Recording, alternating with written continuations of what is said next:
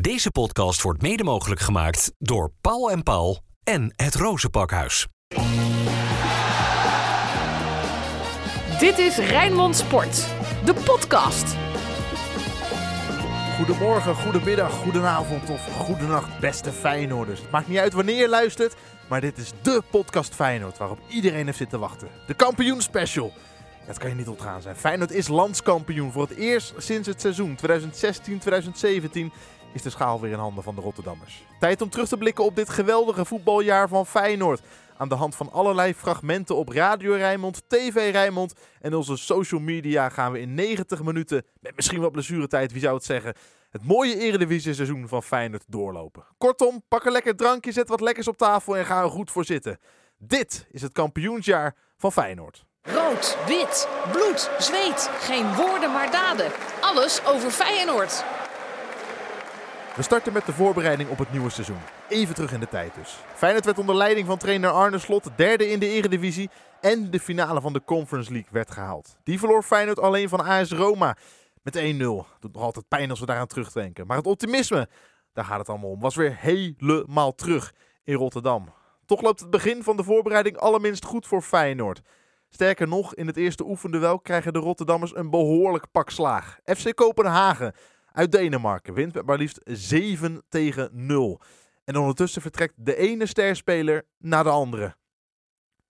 Feyenoord start aan het nieuwe seizoen met een valse noot. Maar op het trainingskamp in Oostenrijk houdt trainer Arne Slot de moed erin. Nou, je kan niet spreken van overnieuw beginnen als je zelf al een jaar werkzaam bent bij dat team. En ook de staf al een jaar werkzaam is. Die is ook veel, bijna 99% gelijk gebleven.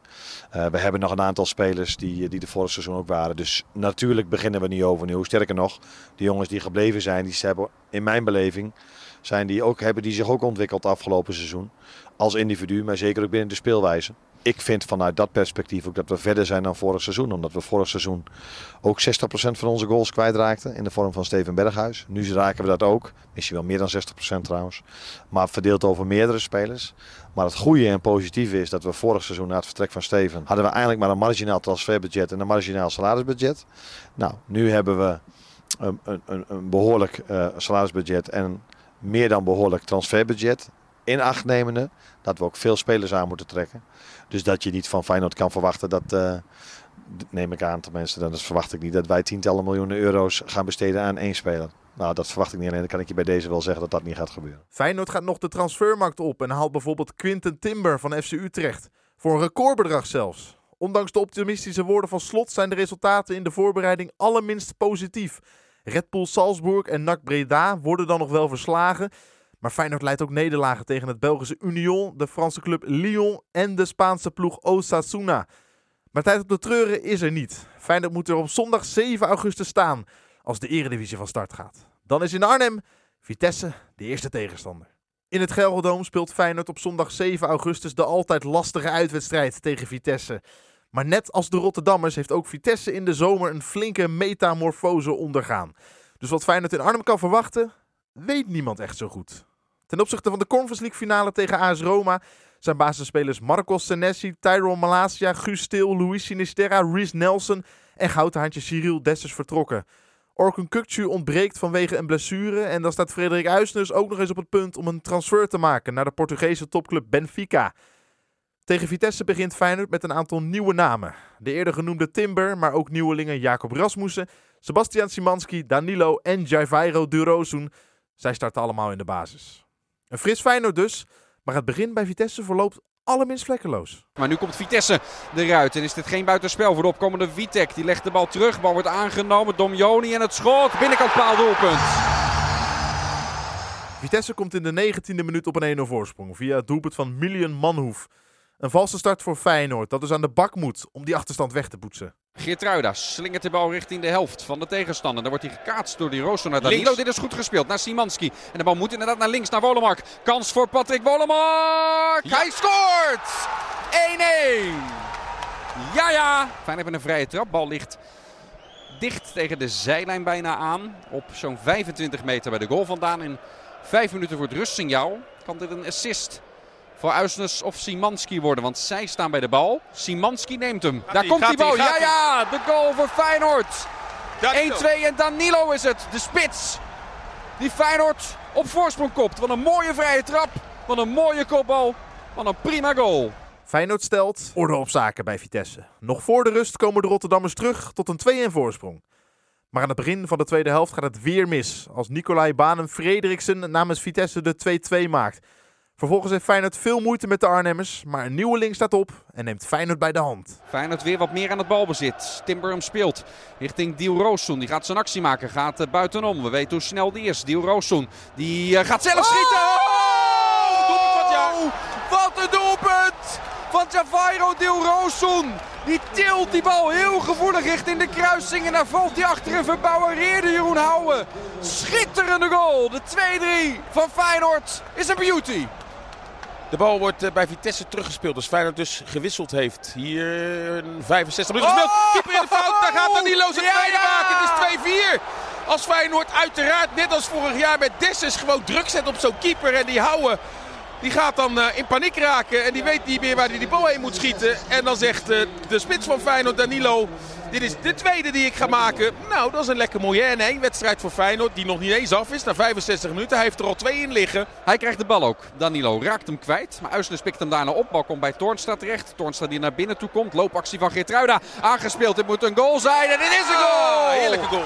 De vijfde van Feyenoord. 2-5. Uit een mooie aanval weer hoor. Met die inworp die uiteindelijk bij Toornstra komt. Die trekt naar binnen toe. De loopactie van Geertruida. Daarmee zorgt hij ervoor dat hij in deze positie komt. En hij doet het niet alleen met het hoofd. Geertruida schuift de 5-2 binnen. Feyenoord wint het eerste eredivisie-duel van dit seizoen met 5-2 bij Vitesse. Het ging bij momenten moeizaam, maar de drie punten geven de Rotterdammers een goed gevoel. In de tweede speelronde leidt Feyenoord het eerste puntenverlies van dit seizoen. De Rotterdammers spelen met 0-0 gelijk thuis tegen Herenveen. Doelman Andries Noppert keept voor ons een sterke wedstrijd. Thuisduel met de Vriezen is het laatste van Frederik Huisnes in het shirt van Feyenoord. Hij vertrekt zoals eerder gezegd in deze podcast naar Benfica in Portugal. Vervolgens wint Feyenoord moeizaam met 1-0 bij RKC Waalwijk.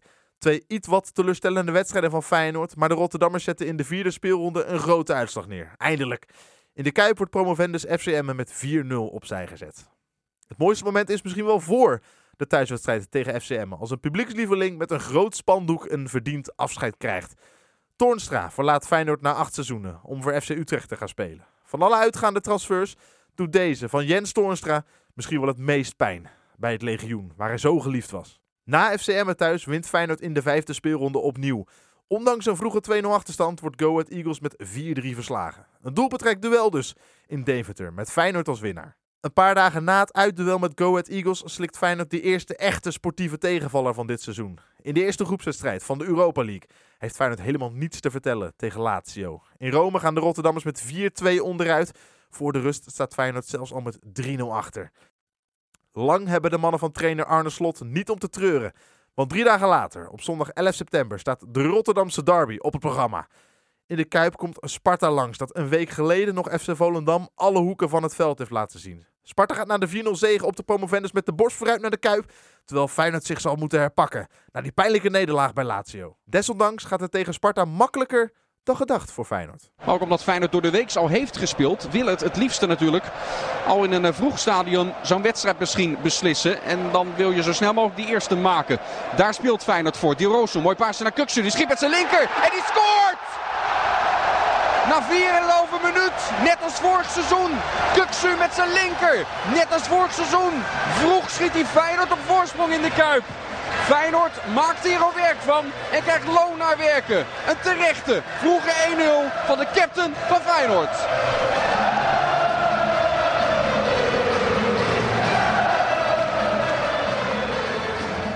Uh, Lopez die komt met de voorzet. Wie kan er koppen? Er kan gekopt worden door de man met het rug nummer 7, Ali Reza Jaanbaks. Is het Olij die vangt met een slechte uitgooi. Die gooit de bal in de handen van een uh, Feyenoorder. Is het Feyenoord dat gaat scoren? Nee, het is... Ja, jawel! Het is Niel Roosson die scoort. Een goal die op het konto komt van Nick Olij. Want het is een geplaatst balletje van Niel Roosson. En Olij die zit er nog met een hand aan. Maar hij gaat heel langzaam, tergend langzaam die verre hoek in. Het is gewoon een enorme fout van de keeper van Sparta. Die aan zo'n goed seizoen bezig is. Maar hier enorm de fout ingaat bij een slapballetje van Di Roosson. Hij komt heel op zijn naam te staan. Maar het is vooral eentje op het konto van Nick Olij. Toch is Feyenoord er meer, meer dan blij mee. Oh, Paixão troeft daar een tegenstander af. Dat is Vriends. Komt er daardoor doorheen. En Jiménez scoort! Wat een mooi doelpunt van Feyenoord zeg. De linkerkant met Paixão. Die poort Vriends daar nog even met één tikje. Houdt dan het overzicht. Trekt hem laag voor. En hij wordt prachtig afgerond van dichtbij. Door Santiago Jiménez. Achter het standbeen langs volgens mij. Haalt hij hem. Prachtige goal. De combinatie Lopez, Paixão, Jiménez. Een Zuid-Amerikaans doelpunt van Feyenoord. Zet de Kuip in vuur en vlam. Het is 3-0. Santiago Jiménez dus. Met één van de drie fijne doelpunten tegen Sparta. De Rotterdammers rechten de rug tegen de buurman. Winnen met 3-0. Feyenoord staat na zes wedstrijden in de Eredivisie op de tweede plaats met 16 punten. Alleen koploper Ajax doet het beter. De Amsterdammers hebben 18 punten uit zes duels. Alles nog gewonnen dus. De derbyzege op Sparta is de opmaat naar een belangrijke week voor Feyenoord. Donderdag spelen de Rotterdammers de eerste thuiswedstrijd in de Europa League tegen het Oostenrijkse Sturm Graz. En een paar dagen later is PSV in de Eredivisie de tegenstander. Het eerste duel is een waar doelpuntenspektakel. Feyenoord naat helemaal niets heel van Sturm Graz en wint met maar liefst 6-0. Een waar spektakelstuk met alleen maar Rotterdamse doelpunten in de Kuip. Genieten. Maar er zit iets niet helemaal lekker in Rotterdam en omstreken. Keeper Justin Bijlo ontbreekt namelijk in de selectie van het Nederlands elftal. Bijlo is niet per se aan zijn beste periode bezig, maar toch. Zijn trainer bij Feyenoord verdedigt Bijlo in aanloop naar de topper tegen PSV. Maar vanaf het moment dat we in het seizoen begonnen zijn, hebben we acht wedstrijden gespeeld. En daarin heeft hij vijf keer de nul gehouden. Ik kan één moment herinneren waarvan ik denk, dat is een bal die Justin tegen kan houden. En dat was de tweede goal van Lazio. Maar daarna heb ik hem nog een aantal fantastische reddingen zien maken. Dus ik beoordeel Justin op wat ik zie. En ik ben tevreden over hoe hij dat in de afgelopen acht wedstrijden gedaan heeft. Maar ik vind het niet in het belang van Justin om nu te gaan spreken over de verhouding ten opzichte van de andere keepers en wat ik daarvan vind. Dat is ook niet relevant. Volgens mij hebben we een bondscoach om zijn keuzes te maken. En als hij op dit moment vindt dat Justin daar niet bij hoort, als hij dat zou vinden, dan, uh, dan is het aan Justin om nog beter te gaan presteren. En uh, zijn trainer bij Feyenoord is tevreden over hoe hij het nu doet. Bijlo zou een paar maanden later wel meegaan met Oranje naar het WK in Qatar. Maar de doelman van Feyenoord zou daar niet aan spelen toekomen. Maar goed, de topper tegen PSV, daar hadden we het over. Die staat op het programma. In Eindhoven is uh, Ruud van Nistelrooy de nieuwe trainer. Maar echt overtuigend is PSV nog niet. Brabanders staan derde en kwalificeerden zich niet voor de groepsfase van de Champions League. Als PSV iets van dit seizoen wil maken, dan moet dat vooral in de eredivisie gebeuren. Dat belooft wat als PSV en Feyenoord het op zondag 18 september 2022 tegen elkaar opnemen. In het Philipsstadion krijgen de supporters in elk geval een waar spektakelstuk voorgeschoteld. Nu uh, ja, beide ploegen eigenlijk toch al vanaf seconde 1 uitstralen. Deze wedstrijd willen we hier absoluut niet verliezen.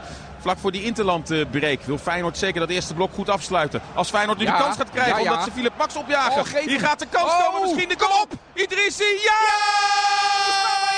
Na drie minuten met de 1-0. 0-1. Feyenoord staat voor, maar nu eventjes wat druk van het team van Ruud van Nistelrooy. Hier komt de hoekschop. Bal wordt getild naar de eerste paal. Binnenkant paal binnen. 1-1 voor PSV.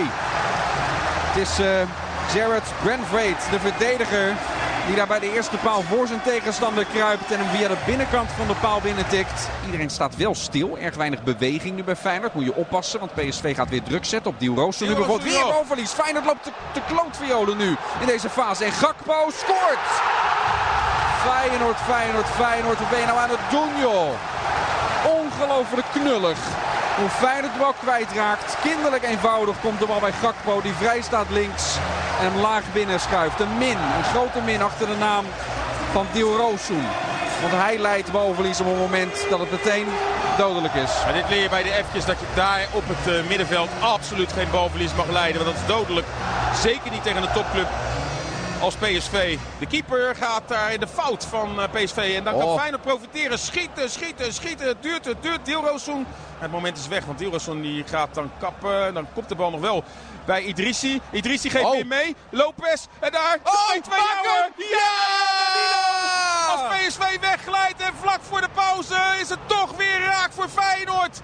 Na een geweldige aanval en weer een hakje meegegeven van Idrissi naar Lopez. Die legt hem klaar. Dan glijdt Obispo weg en dan zegt Danilo, ik moet elke week scoren. Ik pak mijn doelpuntje wel mee.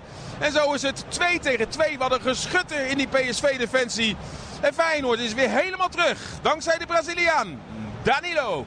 Deze Die daar de bal krijgt bij Simons. En dan wordt het gevaarlijk als Feyenoord niet goed staat. Simons Trauner opzoekt. En het van afstand misschien gaat proberen. Nee, hij opent naar links, naar Gakpo. Nu staat Feyenoord wel goed. Maar Gakpo kan wel de voorzet geven. Til komt binnen. Ai, ai, ai. Til tikt binnen. 3-2 uitgerekend. Dout Feyenoorder. En hij juicht gewoon. Het is niet dat hij heeft gedacht, ik juich niet tegen mijn oude club. Staat Lopez toch te slapen als die voorzet komt. Moet hij Til van het scoren afhouden. Dat doet hij niet. En zo opent nu PSV heel goed. De eerste de beste actie na de pauze levert gelijk een doelpunt op. Maar dat Gakpo de bal voorgeeft. Hij Stil die bal binnenpikt. Feyenoord staat gewoon ook niet goed te verdedigen. Quinten Timber houdt u het overzicht vanaf die linkerkant. Hij uh, dribbelt wat terug. Lopez dan de bal de as ingespeeld naar Kuksu. Aanname niet helemaal lekker. Toch kan hij schieten. Kuksu! Ja! Prachtige goal van Orko Kuksu die het feest viert. Daarbij het uitvak. Feyenoord weer terug. Het is weer gelijk. Het is 3-3. Maar het is weer een hoekschop. Ja, het is bij Dennis. Hoeveelste? Twaalfde. Feyenoord maar uh, twee of zo, hè? Eén. eentje in de eerste helft. Ja. 12-1 qua hoekschoppen, 3-3 qua stand. Hoekschop PSV nu met Gakpo daar weer. Sabari kort Gakpo met die bal bij Lokop oh, niet doelpunt. Oh. Dan is het 4-3 uit een hoekschop weer. Als Obispo hem binnenkomt en Hansko verkeerd staat. Obispo raakt geblesseerd, Hansko ook. Er moet gelijk verzorging komen. Maar wat is dit zuur zeg. Feyenoord verliest dus voor het eerst in de competitie. PSV is met 4-3 te sterk voor de Rotterdammers. Hierna breken betere tijden aan in de Kuip. Overigens vindt er bij Rijnmond na deze wedstrijd nog een transfer plaats. Sinclair Bisschop gaat na jaren onze club verlaten. De Feyenoord-watcher gaat aan de slag bij voetbalzender ESPN. En zijn vervanger is Dennis Kranenburg, die twee weken later zijn officiële debuut maakt. Maar het duurt nog even totdat Feyenoord eindelijk weer eens een wedstrijd wint. Na de interlandperiode gaat Feyenoord op bezoek bij NEC. Maar in de Goffert hebben de Rotterdammers moeite met de ploeg uit Nijmegen. Het Eredivisie-duel eindigt in 1-1, maar na de wedstrijd gaat het vooral over de afgekeurde goal van Santiago Jiménez, die NEC-keeper Jasper Sillissen zou hebben gehinderd bij een uittrap. Een paar dagen later mag Feyenoord weer in de Europa League aan de bak. In Denemarken treffen de mannen van trainer Arne Slot FC Midtjylland. Feyenoord komt er op een 2-0 voorsprong, lijkt de overwinning op, over de streep te trekken, maar speelt laat in de tweede helft alsnog met 2-2 gelijk. Tijd op de treuren is er niet, want drie dagen later staat er alweer een topper op het programma. FC Twente komt naar de Kuip. Het is de strijd tussen de nummer 4, Feyenoord en de nummer 5 van de competitie. De ploeg uit Enschede boezemt zelfs een beetje angst in. Sterker nog, Arno Slot begint met een gewijzigde opstelling tegen FC Twente. Feyenoord neemt deze tegenstander dus uitermate serieus. Maar die tactische verandering zorgt in eerste instantie niet voor het gewenste effect. Feyenoord heeft veel moeite met FC Twente, maar komt vlak voor rust toch aan de leiding. Is het Kuksu die zijn concentratie pakt. Hegelen die nog maar eens in gesprek gaat. Duurt het heel erg lang, ook tot onvrede logischerwijs van de mensen hier op de tribune. Gaat nu de fluit klinken en de vrije trap genomen worden door Orkun Kuksu. Die gaat over de muur. Kuksu! Wow, wow, wow, wat een goal van Orkun Kuksu over de muur. Via de handen nog wel van. Maar Feyenoord staat vlak voor rust. Op een 1-0 voorsprong door Orkun Kuksu.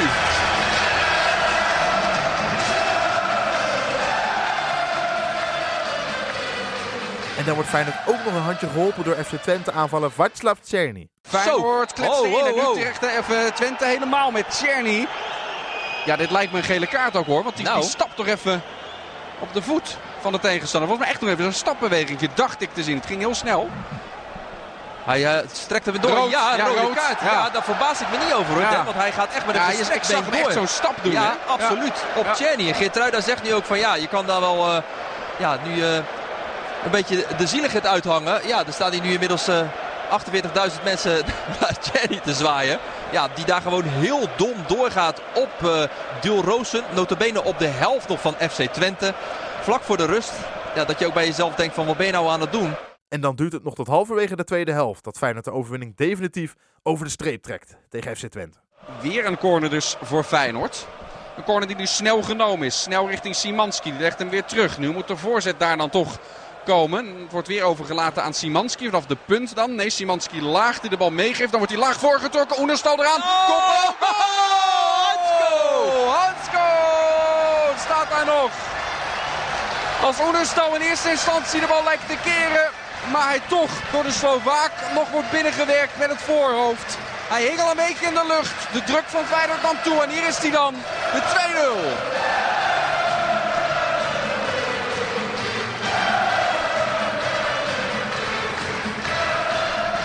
2-0. Feyenoord wint dus de eerste topper van dit seizoen tegen FC Twente. Daarmee tanken de Rotterdammers vertrouwen voor nog een topper die over een week in Alkmaar op het programma staat. Dan staat koploper AZ te wachten. Maar tussendoor speelt Feyenoord nog een keer in de Europa League. Weer is FC Midtjylland de tegenstander. Maar ook in de Kuip wordt er niet gewonnen van de stugge Denen. De wedstrijd eindigt wederom in een 2-2 gelijkspel. Overwinteren in Europa is dus nog lang niet zeker voor Feyenoord. Maar het vizier moet weer gericht worden op die topper tegen AZ. De nummer 1 van de eredivisie verrast menig tegenstander met oogstrelend voetbal. En wordt gezien als een taaie kluif voor Feyenoord. Orkun Kukcu, die aan een goed seizoen bezig is bij Feyenoord, zal in Alkmaar geen aanvoerder zijn. Kukcu weigert de One Love aanvoerdersband te dragen vanwege zijn geloof. Daarom is Gernot Trauner de aanvoerder van Feyenoord tegen AZ. Er gebeurt dus genoeg in de aanloop naar AZ Feyenoord, maar ook dit duel in Alkmaar mag er zeker zijn. Hoewel, Feyenoord kent een valse start. Ja, Timber baalt omdat de bal vooruit gespeeld wordt naar Carlson.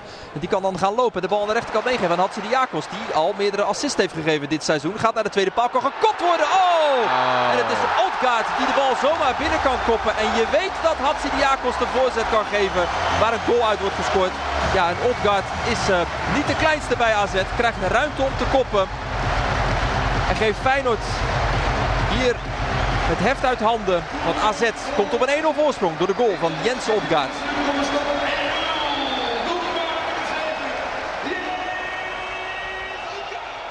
Maar Feyenoord kijkt niet lang tegen een achterstand aan en zet na een half uur spelen AZ alsnog opzij. Wat beweging bij Deel Roosen, ook aan de linkerkant bij Hansko. Daar komt die bal terecht. Goede aanname. Hey, dit is een over... Ja, kom op. Dit is toch een overtreding die daar op Hansko wordt gemaakt door Hatsidiakos. De scheidsrechter wil het niet aan. Het spel gaat door, maar Feyenoord neemt wel over met Jiménez. Die kan gaan lopen op de rand van de 16. Wil die... Hey, penalty toch? Dit is een penalty. Ja, penalty. Tuurlijk. Ja, Feyenoord krijgt een strafschop omdat Jiménez daar over de knie heen gaat. En is het een penalty voor Feyenoord.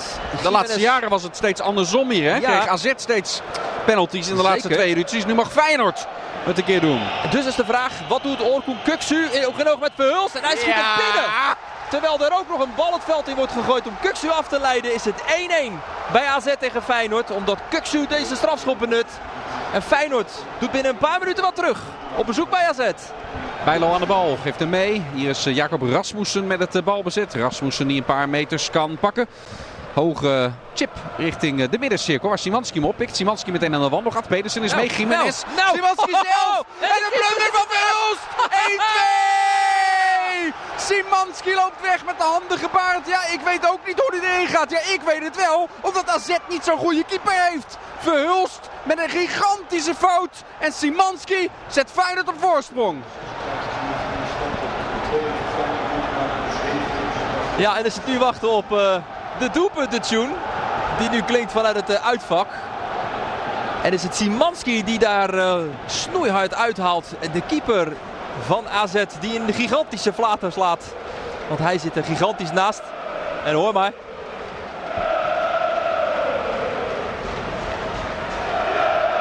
Daar is hij, de doelpuntje van Feyenoord hier in Alkmaar. Nadat de Rotterdammers op een 2-1 voorsprong komen na die pegel van Sebastian Zimanski. Gaat de aftrap genomen worden. Schokt Feyenoord op het gemak hier terug. Feyenoord op een voorsprong hier in Alkmaar. En laten we hopen dat dit nu doorgetrokken kan gaan eh, worden. Hoge bal moet gewonnen worden. Dit luchtduel door Lopez. En dat gebeurt ook. Geertruida pikt daardoor op. Ruimte voor Feyenoord nu. Kuksu tussen de linies. Laat de bal handig vallen voor Danilo. Schot van afstand. Wow! Wat een Wat een goal! goal is dit Wow! zeg! Van Danilo. Van grote afstand de kruising in. Wat een ongelofelijke wereldgoal. Wow! 1-3.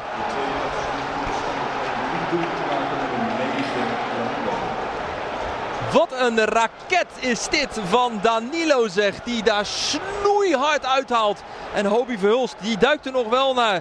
Maar hoort alleen maar langs zijn oren. Want die bal die gaat snoei, snoei, snoeihard in de kruising. En Feyenoord zit op rozen met nog acht minuten aan officiële speeltijd te gaan. Na die geweldige pegel van Danilo. Ik denk dat het zo'n beetje zijn eh, tweede bal is die hij raakt vanaf een meter of 25.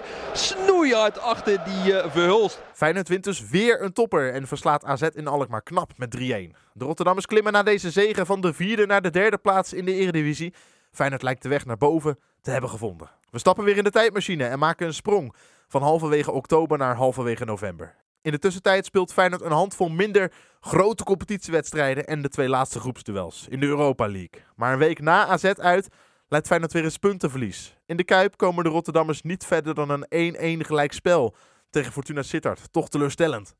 Een paar dagen later gaat het mis in Oostenrijk, waar Feyenoord tegen Sturm Graz speelt. In Rotterdam werd er nog makkelijk met 6-0 gewonnen.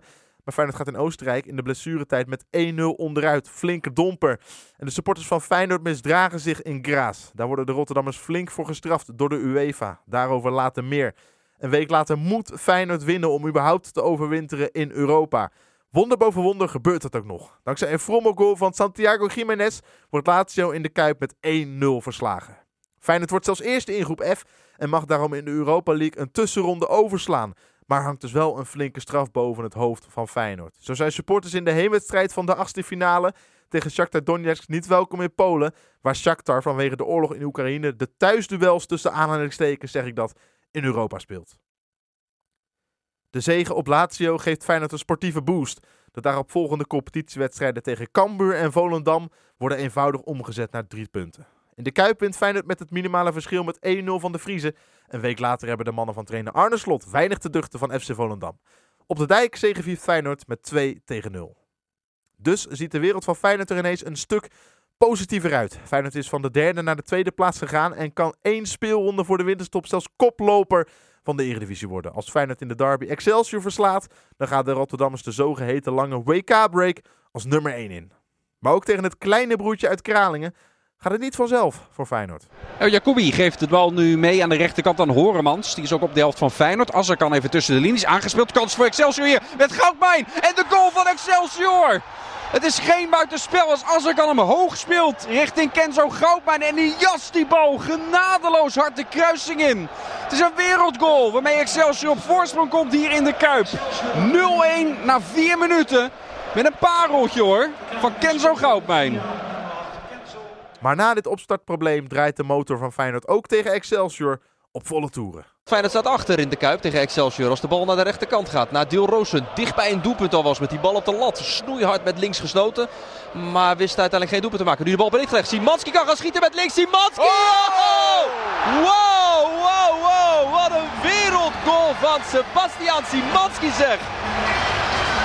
Je denkt hij raakt geblesseerd bij dat duel met Azarkan. Maar dan krijgt hij ruimte voor het schot met die gouden linker. Pats, boom! 1-1.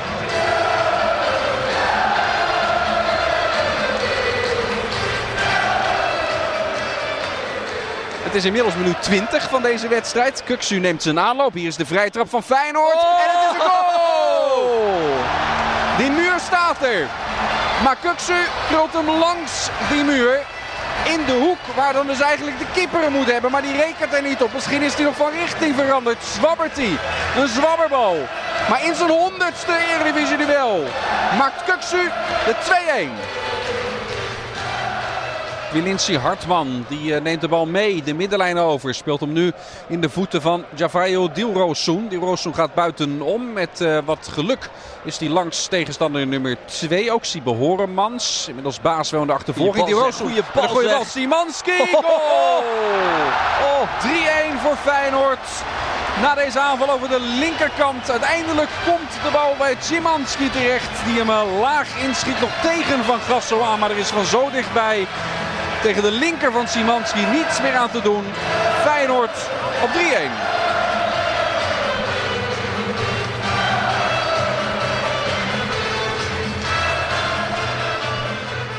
Er zijn 65 minuten gespeeld in uh, de Kuip waar uh, de avond valt over het stadion van Feyenoord 3-1.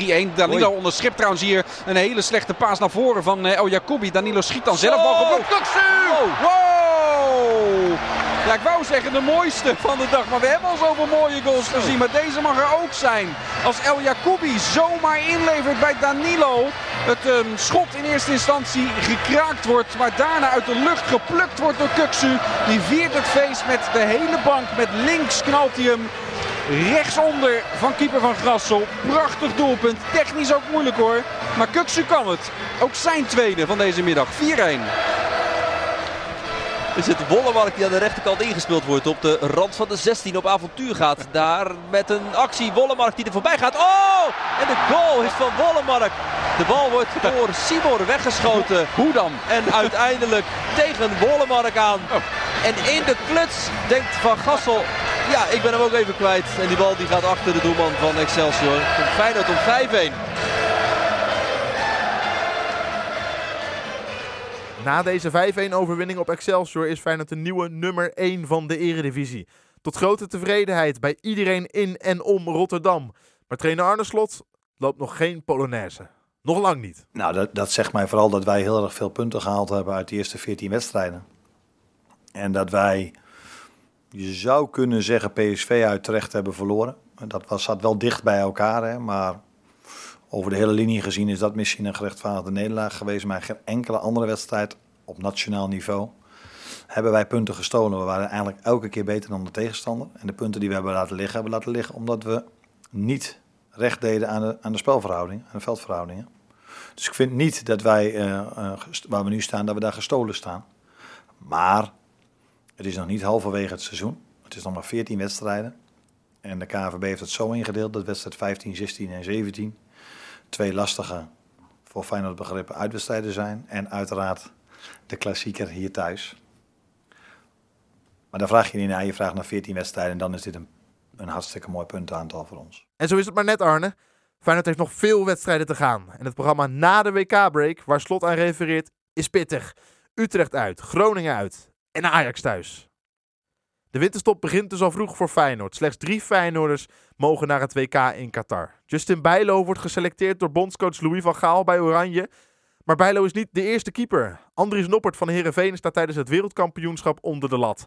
Alireza Jahanbaks en Sebastian Simanski komen wel voor hun landen in actie. Jahanbaks beleeft een rumoerig WK met Iran, omdat in zijn thuisland vele protesten tegen het regime zijn. Iran staat daarom tijdens het toernooi flink onder druk en strandt uiteindelijk in de groepsfase op de derde plaats. Szymanski speelt twee keer namens Polen, maar komt met zijn land niet verder dan de achtste finale van het WK. Voor Polen en Szymanski wordt het een kleurloos toernooi. Na het WK krijgt Feyenoord te maken met twee tegenslagen. Rond de kerst raakt Gernot Trauner ernstig geblesseerd aan zijn knie. De centrale verdediger van de Rotterdammers moet daarom maanden toekijken. Tot overmaat van ramp loopt recordtransfer Quinten Timber ook nog eens een blessure op in het oefenduel met FC Emmen. Timber staat vervolgens aan de kant, maar kan snel weer aansluiten. Dat is niet voor lang, want Timber raakt later in februari dit jaar geblesseerd aan zijn knie en ligt lang uit de roulatie. Feyenoord besluit om de transfermarkt op te gaan en haalt Nereisho Casanvirio, een centrale verdediger die ook op het middenveld uit de voet kan, van FC Groningen. Maar de transferperiode staat vooral in het teken van Ramis Zerouki, de nummer 6 van FC Twente. De middenvelder kon in de zomer al op interesse van Feyenoord rekenen, maar het transfer naar de Kuip ging toen niet door. Feyenoord trekt wederom hard aan Zerouki, maar de overstap komt er ook in deze winter niet. Teleurstelling overheerst bij het niet doorgaan van de transfer van Zerouki, maar Feyenoord blijkt ineens al een prima vervanger van Timber in huis te hebben. Mats Wiever, de middenvelder die afgelopen zomer overkwam van stadsgenoot Excelsior. De Kuip maakt in de tweede seizoen zelf pas echt kennis met Wiever en hij valt direct in de smaak bij Feyenoord. Na de winterstop hervat Feyenoord de competitie in januari met de traditioneel moeilijke uitwedstrijd bij FC Utrecht. En ook in stadion Galgenwaard gaat het allesbehalve vanzelf voor trainer Arne Slot en zijn ploeg. Notabene een oude bekende doet Feyenoord vroeg in het duel al pijn. Feyenoord pakt gelukkig snel die bal weer af. Dit was echt gevaarlijk balverlies van Danilo. Wordt Geertruida nu eventjes eh, onder druk gezet. Raakt hij de bal kwijt aan Van der Streek. Die duikt op rechts de ruimte in. Lage voorzet. Dos legt hem klaar. Kans Utrecht. Doelpunt Utrecht. Toornstra. Het is uitgerekend Jens Toornstra die de bal laag achter Bijlo binnentikt. En ja, hij juicht. Maar op een ingetogen wijze. Van een slechte start voor koploper Feyenoord is dit al na drie minuten bij deze wedstrijd uit in Utrecht. Kijken de Rotterdammers tegen een 1-0 achterstand aan. Maar Feyenoord poetst die achterstand in blessuretijd nog weg dankzij Alireza Jahanbaks. En er zit er Idrissi die gaat gooien. Meerdere spelers in de buurt. Wiever en Simanski bijvoorbeeld. Wiever krijgt hem. Gaat terug naar Idrissi. Gaat buitenom. Gaat de voorzet ook geven. Daar komt hij dan ook terecht. Boujoude kan koppen. Jaanbaks kan gaan schieten. Jaanbaks! Ali Reza Jaanbaks schiet hem binnen. In de laatste officiële minuut van deze wedstrijd. En er gaat nog veel blessuretijd bij komen. Maar zijn goede invalbeurt wordt beloond. Ali Reza Jaanbaks denkt niet na. Haalt in één keer uit. En schiet Feyenoord op 1-1. In de 89 minuten van de stand 1-1. Feyenoord loopt schade op bij FC Utrecht. Maar dankzij de late 1-1 van Jahan Baks blijft hij enigszins beperkt. Na dit uitduel beek het Feyenoord ten koste van Pek Zwolle verder. En rekenen de Rotterdammers eenvoudig af met FC Groningen. In de Euroborg wint Feyenoord met 3-0. Makkelijk dus. Dan kan Feyenoord echt het vizier gaan richten op de wedstrijd van het jaar. Als Ajax op zondag 22 januari naar de Kuip komt. Voor de klassieker.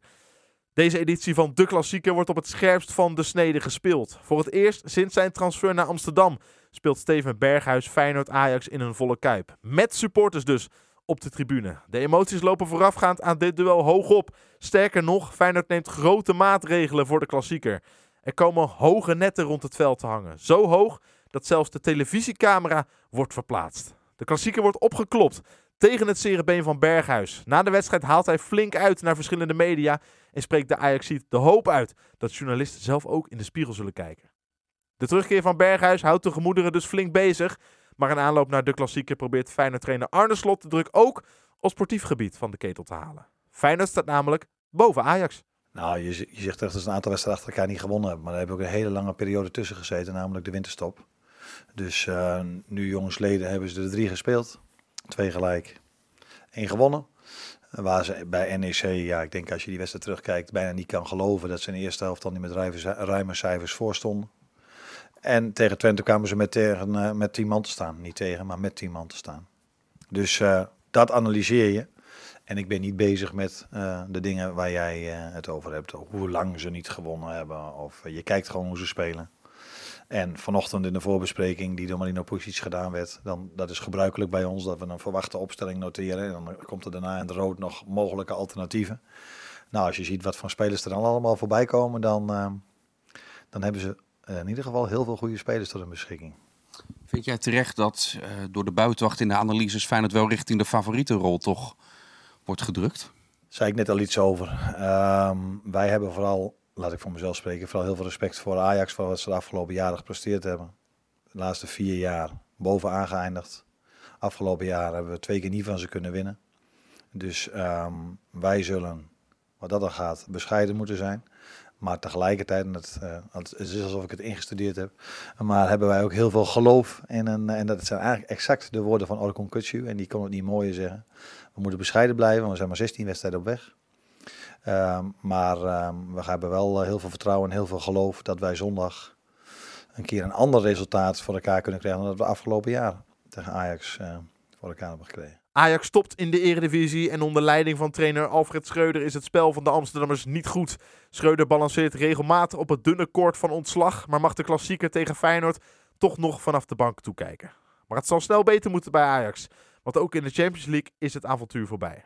Feyenoord-Ajax, dat wordt er dus eentje. Met veel hoofd- en bijzaken rondom deze editie van de klassieker.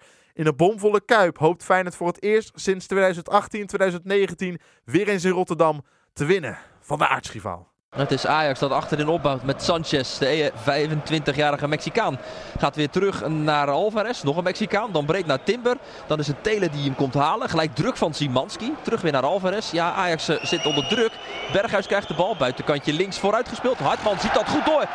Die gaat daar uh, lopen. Dan uh, breed naar Hartman. Daar een wilde tackle. Ruimte voor Peixau te schieten. Peixau met het schot. Oh!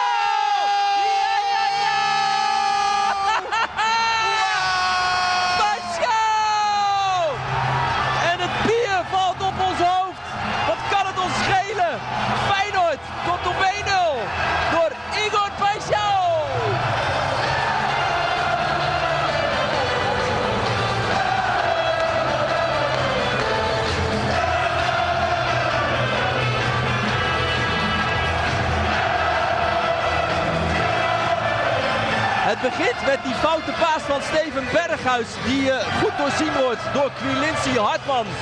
Gaat vervolgens Berghuis voorbij. Die als een blinde inkomt. Hij weet uiteindelijk daar Peixau te bereiken. Die denkt niet na en die schiet hem snoeihard in de rechterhoek.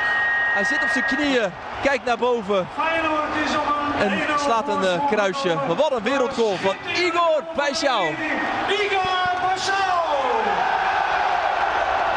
Met dank aan de firma Steven Berghuis voor het voorwerk. Met een hele slechte paas. En daarna komt uiteindelijk de bal bij Peixau.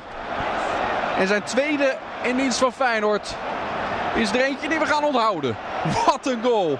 Wat een goal. Slot moet gaan wisselen. Dat denk ik inderdaad ook, ja. Als uh, Bessie nu op gaat bouwen via Bergwijn, dan zit Geertruida ertussen. Moet Feyenoord op blijven letten met Klaassen nu. Tadic aan de rechterkant van Ajax. Gaat dan terugkappen naar zijn linker, want hij is namelijk links. Gaat de voorzet geven. Twee man achterin klaar. Bergwijn met een omhaal. En die wordt dan teruggekopt. Eigen goal.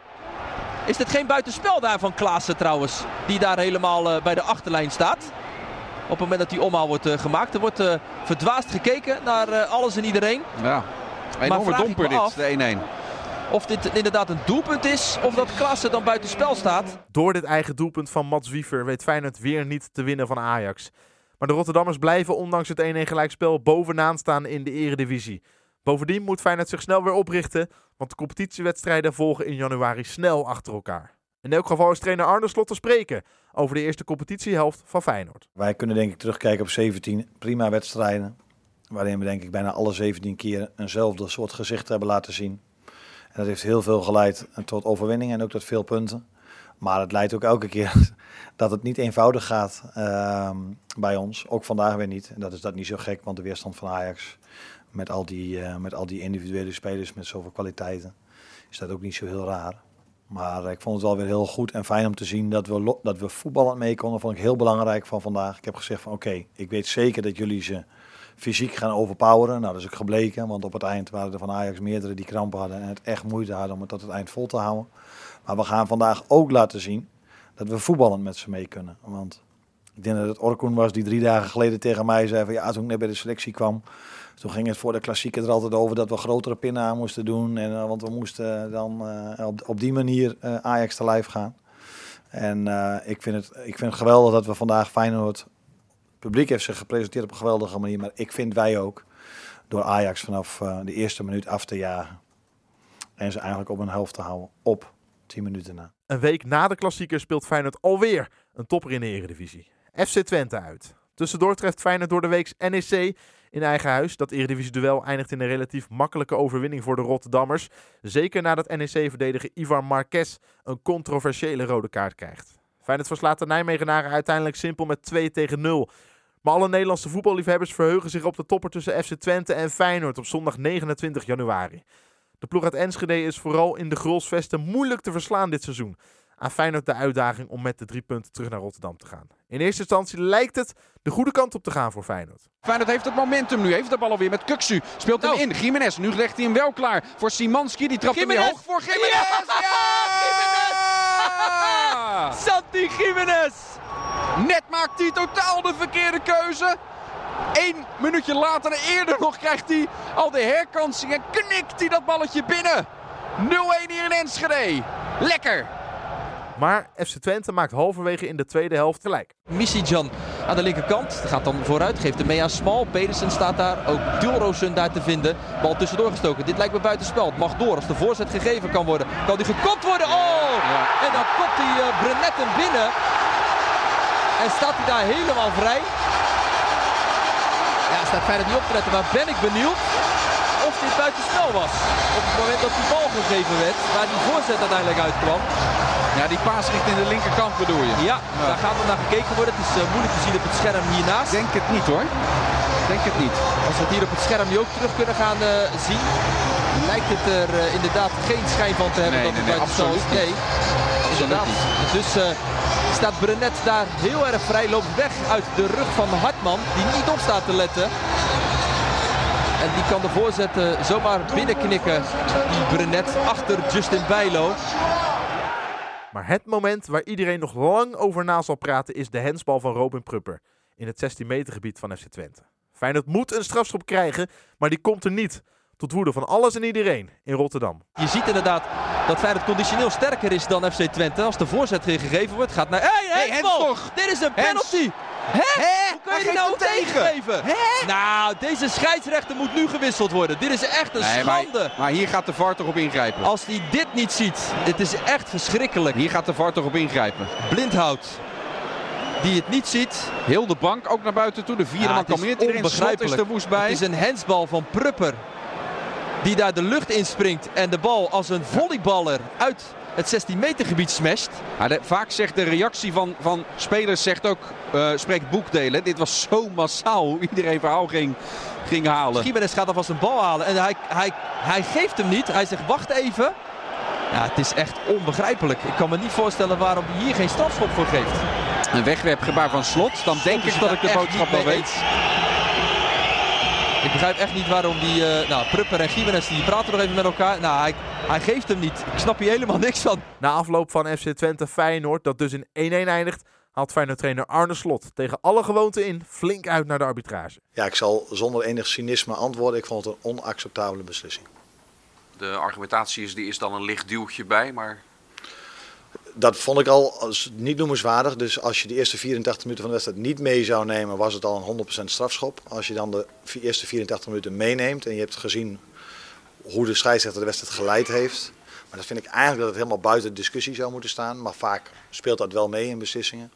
Ja, dan kan je helemaal onmogelijk zeggen dat je voor een duwtje die zo licht is. Waarbij de speler in kwestie eerst zelf ook nog de duw krijgt.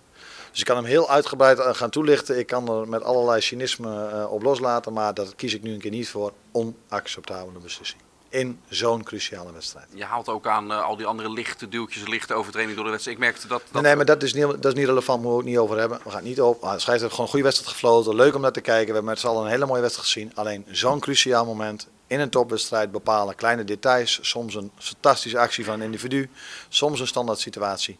En helaas in dit geval een, eh, een onacceptabele beslissing van de scheidsrechter. Heeft ongelooflijk veel invloed gehad op het resultaat van deze wedstrijd. Deze felle woorden van Arne Slot zijn de dagen na FC Twente Feyenoord het gesprek van de dag.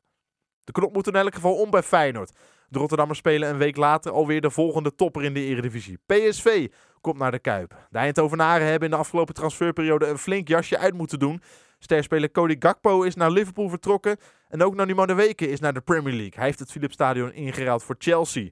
Een dag voor de kraker tegen PSV krijgt Feyenoord een tik te verwerken. Doelman Justin Bijlo raakt op de training geblesseerd aan zijn pols. Weer een blessure voor Bijlo, die aan zo'n sterke periode bezig was. Door die polsbreuk is hij maanden uit de roulatie. Zonder Bijlo, maar met reservekeeper Timon Welleroyter gaat Feyenoord PSV bestrijden. Maar de topper begint allerminst goed voor de Rotterdammers. Lopez, die staat een meter of 15 voor de middenlijn. Als Kuksu zich alweer helemaal terug heeft laten zakken om op te halen. Maar daar is eh, bijna het balletje van zijn voet af laten stuiteren. Waardoor de Jong kan profiteren. Dat lukt niet. Maar in tweede instantie is Kuksu daar wel slordig. Waardoor PSV over kan nemen met Simons die naar binnen toe trekt. Geeft dan de bal aan de rechterkant. El Ghazi met een kans. En de goal voor PSV. Oei, oei, oei. Het is de goal voor PSV. Goed uitgespeeld door de Eindhovenaren. Nadat Orkun Kuksu daar twee keer slordig is achter elkaar. Eerst kon hij het nog herstellen met de Luc de Jong. Daarna schiet hij de bal tegen een tegenstander aan. Waardoor PSV in tweede instantie over kon nemen. En in de omschakeling de bal van Simons richting de rechterkant. En El Ghazi schiet hem achter Wellenreuter. Zo zijn we acht minuten bezig in de Kuip. En is er werk aan de winkel voor Feyenoord. Niet de start waar Feyenoord op had gehoopt, maar in de tweede helft worden de Rotterdammers een handje geholpen door Armando Obispo. De verdediger van PSV krijgt de rode kaart, waardoor Feyenoord een man meer heeft. Alleen profiteren de Rotterdammers daar alles behalve meteen van. Oppassen, want die Simons die is rap en gevaarlijk. Gaat er dan ook vandoor. Pedersen erachteraan. Die moet hem daar af proberen te stoppen. Dat lukt in eerste instantie wel. Luc de Jong neemt over. Lastige bal naar de rechterkant van Feyenoord. Moet Boujoude opletten. Een ruimte op te schieten. Oh, 2-0. Jongen, jongen. Jongen, jongen, hoe kan dit joh? Hazard. Het is Hazard die daar ruimte krijgt om eh, uit te halen. En die bal schiet hij dan in eh, de hoek achter Wellenreuter. Is dit echt wel een enorme dreun voor Feyenoord hoor. Torgan Hazard debuteert met een belangrijk doelpunt voor PSV. Feyenoord moet echt alle zeilen bijzetten om minstens een resultaat te pakken. En dat komt er. Pedersen weer terug naar Wiever. Kuksu gebaard. Spelen maar naar Geertruida. Maar Wiever slingert hem hoog naar Idrissi. Neemt hem knap aan. Links van 16 meter gebied. Is er ook langs. Goede actie. Nu hoog voor. Ali Ja, Reza, Jamax! yes, Ja, yes! 1-2. 1-2. Yes. 1-2. Ali Reza Jamax komt er binnen. En dus maken we ons op voor een lekkere spannende slotfase nog. Ingooi voor Feyenoord weer. Wordt snel genomen. Idrissi naar Kuksu. Kuksu naar Idrissi aan de linkerkant. Halverwege de helft van PSV. Idrissi die daar veel dreiging verzorgt aan die linkerkant. Gaat naar Jaanbaks. Ruimte voor het schot. Ali Reza op de paal. Ja!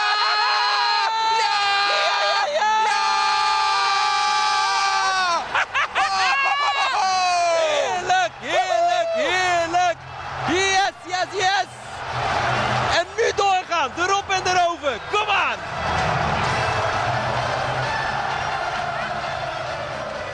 Diep in de blessuretijd speelt Feyenoord dus nog knap gelijk tegen PSV. Het wordt uiteindelijk 2-2 in de Rotterdamse Kuip. Bovendien blijft de schade in de Eredivisie beperkt, want Feyenoord staat nog altijd bovenaan de ranglijst. Na Feyenoord PSV is het voorlopig even gedaan met de toppers. Nu staan de bekerwedstrijden tegen NEC en het competitieduel met Heerenveen op het programma. Feyenoord moet in beide wedstrijden diep gaan. In de Kuip speelt Feyenoord een legendarisch bekerduel met NEC dat in maar liefst 4-4 eindigt. Na strafschoppen gaat Feyenoord door naar de kwartfinale. In Heerenveen komt Feyenoord voor de rust al op een 2-0 voorsprong. Maar in de tweede helft wordt het billen knijpen. Wanneer Siep van Ottelen een wereldgoal in het doel jast. Feyenoord wint uiteindelijk in het Abelensra stadion met 2-1 en blijft op titelkoers. Dan is het tijd voor weer een topwedstrijd voor Feyenoord. Ze kunnen niet op. In de Kuip staan de nummers 1, Feyenoord dus, en nummer 2, AZ tegenover elkaar. Een ware kraker waar heel voetballend Nederland naar uitkijkt. Na een geweldige opkomst, een lichtshow met vuurwerk, kan Feyenoord AZ dan eindelijk beginnen. Maar de start van Feyenoord is een valse. Oppassen daar met al die spelers nu uh, in en om de 16 van Feyenoord. Carlson met de aanloop. Eén arm de lucht in. En neemt zijn aanloop en brengt hem in richting de eerste paal. Kan door, oh, een eigen goal eigen van Dil Roosen. Oi, oi, oi. Ik wilde zeggen, hij kan hem zo wegkoppen. Maar Dil Roosen die knikt hem zo achter zijn eigen keeper. En komt AZ dus op een 1-0 voorsprong. Wie verspeelt dan Jaanbaks aan? Jaanbaks wordt weer aangepakt. Krijgt de Donald Dielroossoen. Weer een tackle die hij moet ontwijken. Goed uh, voordeel gegeven door uh, Hiegler nu. Want de bal komt bij Idrissi. Idrissi geeft hem voor met zijn nou, linker. Ja, de kop van. Ja! Ja! Heerlijk. Eindelijk, eindelijk, eindelijk. De 1-1 is daar. Alireza Jaanbaks die zijn voorhoofd tegen die bal aanplant. Idrissi met zijn eerste goede bal van de wedstrijd. Het is wel meteen een assist dat. De net de eerste kans met Timber. Nu de eerste goal met Alireza tegen zijn oude club. Op slag van rust. Heerlijk moment. Het is 1-1. Vlak voor de rust maakt Feyenoord dus nog 1-1 tegen AZ. Het blijft weer lang spannend bij een wedstrijd van de Rotterdammers. Maar zoals zo vaak in dit seizoen kruipt Feyenoord op het laatste moment door het oog van de naald. Dit keer door iemand van wie je het niet verwacht. Hoekschop vanaf de rechterkant. Igor Paixão staat naast de bal om hem voor te geven. Ook Geert Truida meldt zich nu om de winnende eventueel binnen te kopen. Daar komt die hoekschop door AZ weggekopt. Pedersen controleert met de borst. Moet hem opnieuw inbrengen. Zo, Pedersen!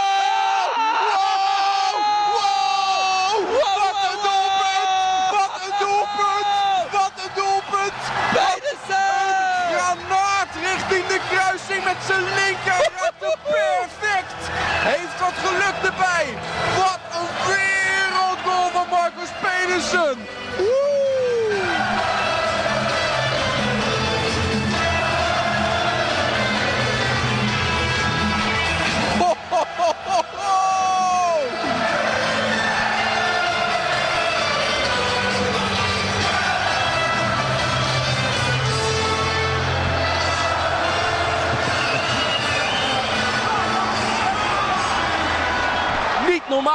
en nu hebben ze haast bij AZ, want nu moeten er twee ballen bij komen. Oh, wat een wereldgoal. Vijf minuten nog en we gaan we spelen in deze wedstrijd. Na die geweldige goal die wel aangeraakt werd door Marcus Pedersen. Who cares? Eind goed, al goed dus. Feyenoord wint op de valreep met 2-1 van AZ en tilt de marge met de Alkmaarders naar 5 punten. Makkelijk ging het dus niet voor Feyenoord, maar trainer Arne Slot is na afloop vooral opgelucht met deze late winstpartij. We zijn gewoon heel blij dat we een best moeizame wedstrijd hebben gewonnen. Uh, ik heb volgens mij vrijdag op de persconferentie nog gezegd dat wij eerst, eerst maar eens moeten gaan proberen wedstrijden die we beter zijn, ook een gerechtvaardigd resultaat te halen. Uh, nou, ik denk wel dat ik mag zeggen dat we de tweede helft wel op zoek zijn gegaan naar de overwinning. Het meest van de twee misschien wel. Maar we hebben echt niet goed gespeeld. Dus, dus hebben we wel uh, qua spel een gelukkige overwinning behaald. En hebben we voor het eerst misschien een wedstrijd gewonnen die we verder van goed gespeeld hebben. En dat is wel heel prettig. Want dat doen andere ploegen die hoog eindigen heel vaak een mindere wedstrijd ook winnen. En dat is ons vandaag ook gelukt. Dus dat is een, weer een nieuwe stap die dit team nog niet eerder gezet heeft. We stappen weer in de tijdmachine en maken een sprong in de tijd. Feyenoord speelt in een periode van een maand in de Eredivisie, in de beker en in de Europa League ook nog tegen Shakhtar Donetsk. Na de knappe overwinning op AZ heeft Feyenoord een week later een relatief makkelijke middag in Sittard. Fortuna wordt met 4-2 opzij gezet. Doelbetrijk duel dus. Een paar dagen later spelen de Rotterdammers het bekerduel met Herenveen. In Friesland komen beide teams lang niet tot scoren. Totdat Santiago Jiménez vlak voor tijd de 0-1 maakt. Feyenoord bekert vervolgens door naar de halve finale, waarin de wedstrijd tegen aartsrivaal Ajax wacht. Op zaterdag 4 maart wint Feyenoord, het zal eens niet, op de valreep van degradatiekandidaat FC Groningen. Vlak na de pauze krijgt Isaac Mata een dubieuze tweede gele kaart van scheidsrechter Joey Coy, omdat de verdediger de bal tegen de liggende Alireza Jahanbaks aantrapt. Daarom moet Mata met rood van het veld. En ook tegen FC Groningen trekt Feyenoord in de slotfase aan het langste eind. Oussama Idrissi krult in de 88ste minuut de winnende 1-0 op het scorebord. Vijf dagen later gaat het Europa League avontuur van Feyenoord verder in Polen, waar Shakhtar Donetsk de tegenstander is. De ploeg uit Oekraïne moet vanwege de oorlog in eigen land elders in Europees verband spelen. In Warschau moet Feyenoord weer een achterstand goedmaken, maar dankzij de Argentijnse middenvelder Ezekiel Bujoude wordt er toch nog een 1-1 gelijkspel uit het vuur gesleept. In de eredivisieronde die daarop volgt, moet Feyenoord weer flink aan de bak. Vroeg in de wedstrijd komt FC Volendam op een 1-0 voorsprong, maar in de tweede helft stelt Feyenoord nog orde op zaken. Volendam wordt met 2-1 verslagen en Feyenoord loopt geen averij op in een belangrijke week die op komst is. Want de return tegen Shakhtar Donetsk en de klassieker in Amsterdam tegen Ajax staan op het programma. Feyenoord kent een uitstekende generale repetitie voor de toppen tegen Ajax. Want Shakhtar wordt in de Kuip met maar liefst 7-1 opgerold. Klinken de cijfers. Feyenoord gaat in de Europa League naar de kwartfinale, waar de confrontatie met AS Roma wacht. Maar daar gaat het nog lang niet over. De klassieker tegen Ajax is het gesprek van de dag. Als Feyenoord in Amsterdam wint, dan slaan de Rotterdammers een gat met van maar liefst zes punten op de aartsrivaal. Hoewel Ajax een top het seizoen heeft, is niet iedereen positief over de kansen van Feyenoord. Want ja, Feyenoord won in 2005 voor het laatst in de arena. Alweer een eeuwigheid geleden. Feyenoord werkt toen naar misschien wel de belangrijkste klassieker in jaren tijd. Ajax is vroeg klaar in Europa en heeft ondertussen trainer Alfred Schreuder ontslagen. De Amsterdammers winnen onder leiding van trainer John Heitinga veel wedstrijden, maar echt getest is Ajax in de Eredivisie dan nog niet. Na de 7-1 overwinning op Shakhtar in de Europa League heeft Feyenoord veel vertrouwen kunnen tanken voor deze klassieker. Maar in Amsterdam lopen de mannen ook met een borst vooruit. Zo ook Ajax-trainer John Heitinga, die zijn Amsterdamse bluff op de persconferentie voor Ajax Feyenoord alles behalve onder stoelen of banken steekt.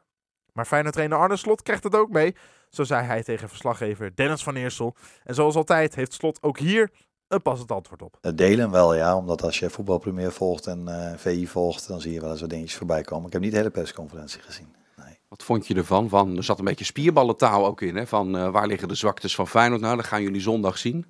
Dan met een accent wat ik niet kan nadoen. wat dacht je toen?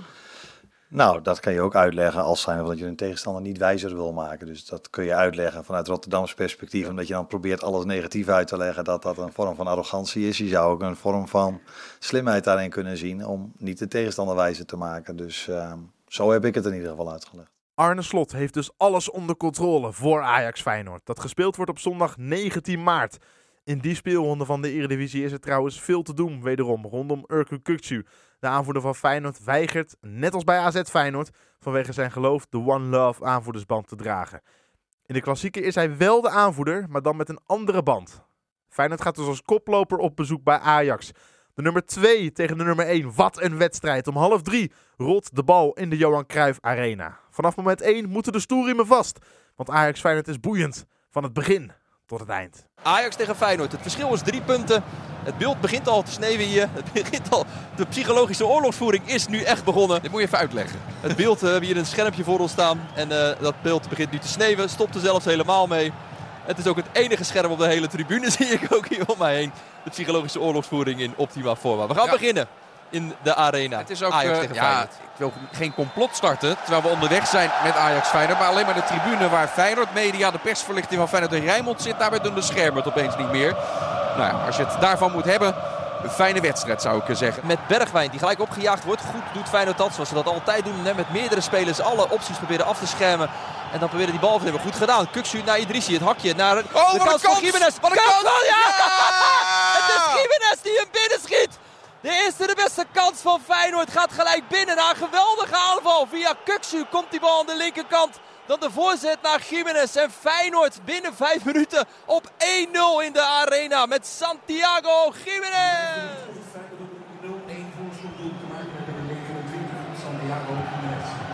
Ja, dan valt het stil hier. Het is een prachtige aanval ook hoor van Feyenoord. En het begint met Kuksu. Die berensterk op dat middenveld is. Hè. Zijn duel wint. Dan gaat de bal naar Idrissi. Prachtig meegegeven op Hartman die er overheen komt. Die is weer helemaal beter. Ja, en Hartman legt hem klaar voor Jiménez. Die is weggelopen. Waar, is Timber? Waar is Bessie? Waar is heel die verdediging? Hij staat ook helemaal vrij, die Jiménez. Om laag achter een kansloze rolly te schuiven. Jiménez eh, loopt nog steeds op de helft van Ajax rond. Makkeli vraagt nu ook van wat ben je nou aan het doen? Gimenez die Hij zegt... eh viert het feest wel heel erg lang. Uno momento, por Loopt nu, favor. loopt nu stoïcijns terug naar de eigen helft. Wat een start zeg voor Feyenoord. Als daar eh, de fluit heeft geklonken, gaat de hoekschop genomen worden. De keeper blijft staan. Kan dan weggekopt worden door Feyenoord. En tweede in lijn geschoten worden. Maar daar zit Feyenoord dan weer tussen. Naar het schot van Berghuis. Blok gezet door eh Jahan Baks. En daardoor de bal niet richting Wellenrooyte, maar weer over de achterlijn. Feyenoord wel wat onder druk met deze standaard situaties. Hij werd wel goed weggekopt moet ik zeggen. Daar werd het duel wel goed gewonnen. Nu komt de volgende corner. Die bal is strak, wordt gekopt. Doelpunt voor Ajax. Van dichtbij. De net werd er goed verdedigd. Nu gaat Kudus daar bijna lopen knokken met Wellenreuter. Makkeli stuurt Kudus daar weg. En Alvarez, hij kopt hem binnen. Viert het feest. De vroege voorsprong van Feyenoord. Helaas ook alweer snel ongedaan gemaakt. Is nu zaak voor Feyenoord om eh, alles weer eventjes eh, op de juiste plek neer te zetten. Want Feyenoord stond echt onder druk hoor op, eh, in deze fase. Tegen Ajax. Terwijl Steven Berghuis een sprint trekt. Bijna 5 meter de lucht in springt. Zo blij was hij met zijn hoekschop die binnen werd gekopt. Bessie die gaat lopen. Gaat de middencirkel dan ook in. Neemt daar veel tijd voor. Ja, dit is weer shocken. Zoals ze dat hier misschien... Dit is, dit is de tempo van Shirley Bessie. ja, hoor. Shirley Bessie. Ja, precies. Ja, met één knie. Als dan de paas terug gaat. Weer helemaal naar de eigen helft van Ajax. Weer terug naar Bessie. Die dan omdraait. Dan meegeeft aan Telen. Zo speelt Ajax rond op de eigen helft. Wacht Feyenoord geduldig af. Als daar de paas vooruit wordt gegeven door Berghuis. En denk ik dat het weer randje buiten spel is. Maar het gaat voorlopig door. Met Bergwijn in het 16 meter. Bergwijn legt hem klaar. Het schot van. Tadic oh, gaat onder Wellenreuter door. Die duikt iets hoger. En dan is het 2-1. Gaat er een VAR-check zijn? Of Bergwijn geen buitenspel was? Maar ik denk het niet, als ik eerlijk ben. Ik denk dat hij het net niet was. Als hij dan wegloopt bij Geertruida, de bal voorgeeft en Tadic scoort. Komt de bal via Jaanbaks ook aan de linkerkant te vinden bij, eh, bij Lopez. Lopez en Wiever en de combinatie. Lopez wil er doorheen. Lopez komt er doorheen. Marcos Lopez. Het schot losgelaten door Gimenez. Rolly. Jiménez dan nog. Jiménez dan nog. Geeft hem weer aan Lopez. Wiever moet hem dan maken. Wiever. Het schot wordt geblokt. Wiever in tweede instantie krijgt hij hem bij Jaanbaks. 2-2 hangt in de lucht nu. Jaanbaks. Oh, die voorzet gaat aan iedereen voorbij. Maar komt nog wel bij Idrissi. Die houdt hem binnen aan de linkerkant. Gaat dan een tegenstander voorbij. Idrissi met ruimte. Gaat dan de verre hoeken weer zoeken. Idrissi Oh. bal geraakt. Blijft dan hangen rond de 16. Feyenoord met veel druk nu op de helft van Ajax. Gaat het nog een keer proberen via Lopez. Trekt naar binnen toe. Even terug naar Hansko. Rechts moet hij naartoe. Naar rechts.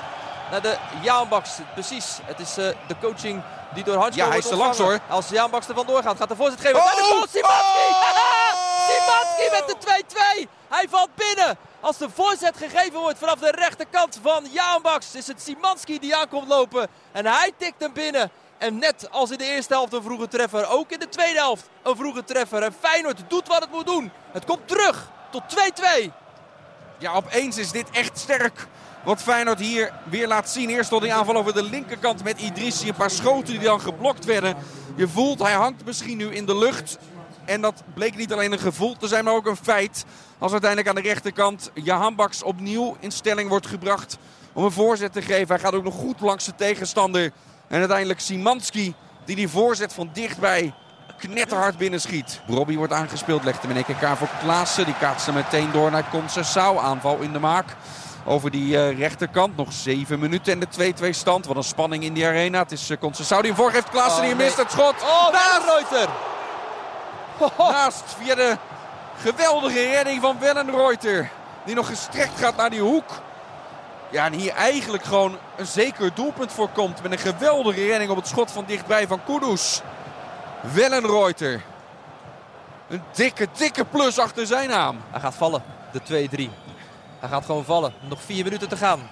Is de hoekschop voor Feyenoord. Die genomen gaat worden door Orkun Kuksu. De luchtmacht van Feyenoord mee naar voren. Opgestegen vanaf Rotterdam Airport. Laten we hopen. Dalen net voorbij Schiphol. Hier in de Johan Cruijff Arena. Om die bal die door Kuksu voorgegeven gaat worden. Met een enorme pet tegen die touwen aan te rammen. En de drie punten richting Rotterdam mee te proberen te nemen. Als de hoekschop genomen gaat worden door Kuksu. Daar komt hij. Wordt verlengd. Hij komt! Het is Geertruida! Het is die je binnenkrikt! Geertruida doet het! In de slotfase van deze wedstrijd doet Feyenoord wat het het hele seizoen al doet. Namelijk doelpunten maken. En deze keer is het Lucharel Geertruida die hem binnenkomt. Met zijn kop tegen de touwen. Feyenoord op voorsprong. 3-2. Wat een moment voor hem. Hij verlengt zijn contract gisteren. Vierde dat feest op het trainingsveld bij het opkomen. En dan dit erachteraan. Geertruida met echt nog maar heel even te gaan. En die 2-3 voorsprong, de 3-2 voorsprong hier in de arena. Uitgerekend Geertruida. Nadat die hoekschop wordt verlengd en bij hem komt bij de eerste paal. Wat een moment. In minuut 87 van de wedstrijd. Heel kort voor het einde. Maar we hebben nog wel even te gaan. Stand houden. En voor het eerst sinds 2005 hier de punten ophalen. Het is nu zo, zo dichtbij. Paixão is mee om te verdedigen. Bessie krijgt de bal bij Tadic. Gaat er dan zelf overheen. Paixão laat hem lopen. Bessie met een slechte voorzet. Komt bij Wiever. Afgelopen! Het ja, is afgelopen! Hij yes! Hij fluit af! Yes! Oh! Feyenoord, Feyenoord, wat maak je vandaag? Een hele hoop mensen in Rotterdam en omgeving in Nederland blij. Eindelijk, eindelijk wordt er gewonnen. En juist nu, met de belangen zo groot, met het gat dat met de rivaal naar zes punten wordt getild, gebeurt het. 3-2. Feyenoord buigt een 2 en achterstand om in een geweldige tweede helft. Yes! Met goals van Simanski en de winnende uitgerekend van Geertruida. Wat een feest daar op het veld. Wat een feest langs de kant met de staf. Wat een feest hier met ons tweetjes aan. De rest van dit stadion is iets minder blij. Eindelijk, eindelijk, eindelijk. Feyenoord wint voor het eerst sinds 2005 in Amsterdam van Ajax. Maar belangrijker nog, Feyenoord slaat een gat van maar liefst zes punten ten opzichte van de aardsrivaal. De rode loper ligt uit richting de 16e landstitel in de clubhistorie. En het feest barst los in Rotterdam, waar de bus naar de 3-2 overwinning s'avonds terugkeert.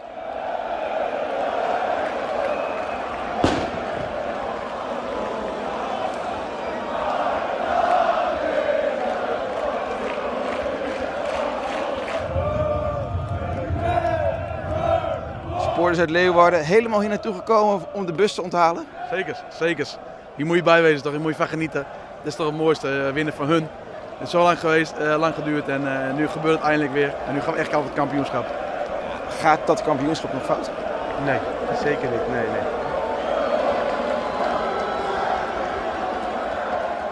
Natuurlijk, je moet de huid nooit verkopen voordat de beer geschoten is. Maar de landstitel kan Feyenoord nu al bijna niet meer ontgaan. De daaropvolgende interlandperiode komt voor Feyenoord op een vervelend moment, zo in die lekkere flow. Maar op zondag 2 april pakt Feyenoord de draad weer op. Het resterende programma voor de Rotterdammers is gunstig, maar het verrassende Sparta wordt gezien als een potentiële bananenschil.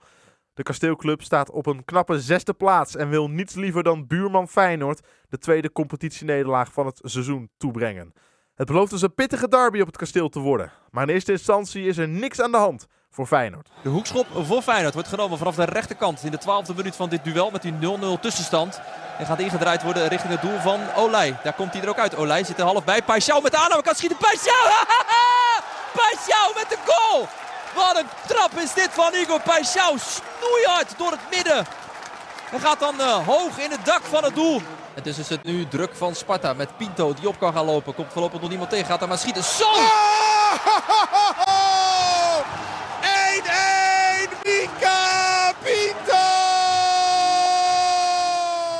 Die 1-1 bij Sparta brengt Feyenoord in de gevarenzone. Helemaal wanneer Sparta vlak voor de rust een penalty krijgt. Is het Sparta dat er in één keer vandoor kan, maar Sparta speelt het slecht uit. En is het wel een Reuter Pingel! met Pingel redding. Sparta! Hij geeft een penalty voor Sparta. Jongen, jongen, jongen. Ik vind dit echt de allerslechtste scheidsrechter van de eredivisie. Vito van Krooi, de man van Sparta dit seizoen met zijn vele assists en doelpunten. Vito van Krooi, Timon Welleroyte. Het staat 1-1 de derby bij Sparta tegen Feyenoord. Wordt het 2-1? Het wordt... Hey, pakt hem gewoon de penalty van Van Krooi. En hij pakt hem klem. Ruud krijgt een tissue. Timon Welleroyter houdt Feyenoord vlak voor de rust tegen Sparta dus op de been. En na de pauze zet Feyenoord, zoals wel vaker dit seizoen, orde op zaken. Als je het aan Olij nu overlaat, dan neemt hij 3,5 minuten voor het Ja. nemen van die doeltrap. Dit tot eh, tevredenheid van de heer D. Kranenburg. Ja, dan ben ik grote klasse van uh, Tijn Troost. Terwijl Feyenoord nu een kans gaat krijgen met Jiménez. Jiménez, ja, hij prikt hem raak. Hij prikt hem raak. Santiago Jiménez. Daar zit dan uiteindelijk Van Mullum tussen. Maar komen er niet onderuit als het Sparta er weer tussen, Ruud. Ja, Van Muller zat daar goed tussen, maar de bal blijft omhoog gaan. En is Nou, wie? Hansko! Hansko! Hij gaat erin! Hansko met de goal! Het is 3-1 voor Feyenoord! David Hansko gooit deze wedstrijd in het slot. Nadat je denkt dat Sparta de bal over kan nemen. Komt hij eh, via een kluts uiteindelijk terecht bij David Hansko. Hij loopt door. Schiet eerst nog via Olij. Maar die bal die hobbelt tergend langzaam over de achterlijn heen. En Feyenoord staat op een 3-1 voorsprong. Op bezoek bij Sparta door de goal van David Hansko. En wat deze 3-1 derbyzege nog mooier maakt voor Feyenoord, is dat Ajax in Deventer met 0-0 gelijk speelt tegen Go Ahead Eagles. De voorsprong op Ajax groeit naar maar liefst 8 punten. De titel kan Feyenoord haast niet meer ontgaan. Bovendien zitten de Rotterdammers ook nog in het bekertoernooi en in de Europa League. Feyenoord strijdt nog op drie fronten mee in april van het jaar. We gaan bijna naar het eindsignaal toe, dus we maken wat vaart in de daaropvolgende wedstrijden voor Feyenoord. Woensdag 5 april komt Ajax weer naar de Kuip voor de halve finale van het bekertoernooi. Over de 2-1 nederlaag van Feyenoord zal niet lang worden nagepraat, maar wel over het trieste incident met middenvelder Davy Klaassen. De speler van Ajax wordt bekogeld vanuit het publiek en krijgt vermoedelijk een aansteker op zijn hoofd. De bekerklassieker wordt zelfs tijdelijk stilgelegd. Uiteindelijk wordt Feyenoord Ajax nog uitgespeeld, maar met een nare bijsmaak. Dit incident heeft grote gevolgen voor Feyenoord. In de Kuip besluit de Rotterdamse club de rest van het seizoen de hoge netten rondom het veld te laten hangen. Dus ook aan de zijde waar de televisiecamera's staan. Die netten hangen vier dagen later dus alweer als Feyenoord op eerste paasdag in de eredivisie tegen RKC Waalwijk speelt. Feyenoord raakt niet in de war van de gebeurtenissen tegen Ajax. Sterker nog, RKC wordt heerlijk met 5-1 opgerold. Vervolgens komt AS Roma naar de Kuip in de kwartfinale van de Europa League. Feyenoord heeft vanwege de verloren Conference League finale een seizoen eerder nog een appeltje te schillen met de Italianen. Het wordt een heroïsche avond in de Kuip. Feyenoord verslaat AS Roma dankzij een treffer van Mats Wiever met 1-0. Met een uitstekende uitgangspositie gaat Feyenoord een week later naar Rome voor de return. Tussendoor heeft Feyenoord geen moeite met Cambuur. De hekkensluiter wordt in Leeuwarden eenvoudig met 3-0 aan de kant gezet. Met een goed gevoel in de tas gaat Feyenoord naar Rome. En een tijdje mogen de Rotterdammers in Stadio Olimpico hopen op een plekje in de halve finale van de Europa League. Maar vlak voor tijd maakt AS Roma daar een einde aan. Met een 2 in stand gaan Roma en Feyenoord verlengen en de Italiaanse ploeg blijkt de sterkste van de twee. Roma wint met 4-1, waardoor het avontuur van Feyenoord strandt in de kwartfinale van de Europa League. De kater is slechts van korte duur. Feyenoord neemt het drie dagen later in de Eredivisie op tegen FC Utrecht. Normaal gesproken een taaie tegenstander voor de Rotterdammers, maar niet in dit duel. Feyenoord is met 3-1 te sterk voor de man uit de Domstad. Als Feyenoord verder oploopt, dan wordt het drukker en drukker en drukker. Dan zal het er doorheen moeten gaan proberen te spelen. Dat gebeurt misschien nu als daar uh, Pedersen zo een blinde tackle op zich afkrijgt. Houdt hij wel balbezit. Bal breed. Simanski! Ja! Simanski met de treffer voor Feyenoord. Nadat Pedersen een tackle van Van der Marel ontweek, houdt hij het overzicht. Bal komt voor en is het uiteindelijk Sebastian Simanski die de bal binnenschiet. En Feyenoord op 1-0.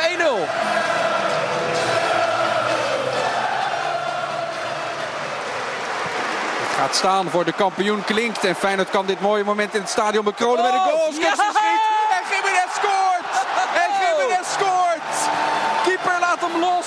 Keeper Barkas laat hem los. En Gimenez kopt hem binnen. Net als hier in de Kuip. Massaal wordt gezongen. Gaat staan voor de kampioen. Precies op dat moment bekroont Feyenoord het met de 2-0.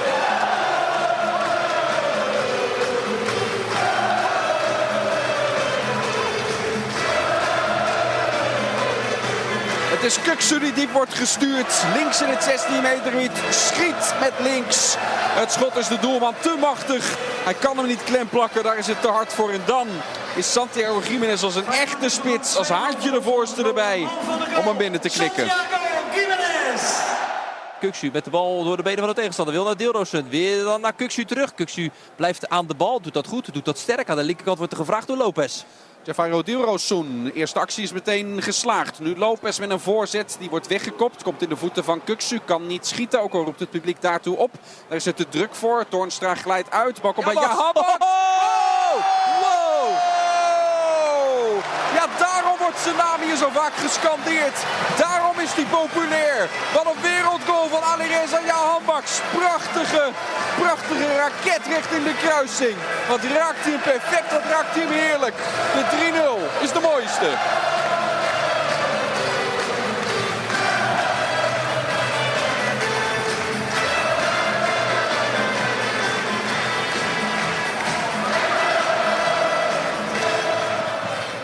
Bostogan richting de achterlijn. Houdt de bal in het bezit van Utrecht. Krijgt namelijk ook hulp van Kleiber. Die gaat hem voorgeven. Kleiber, scherpe bal. En een doelpunt van Utrecht van eh, Bas Dost.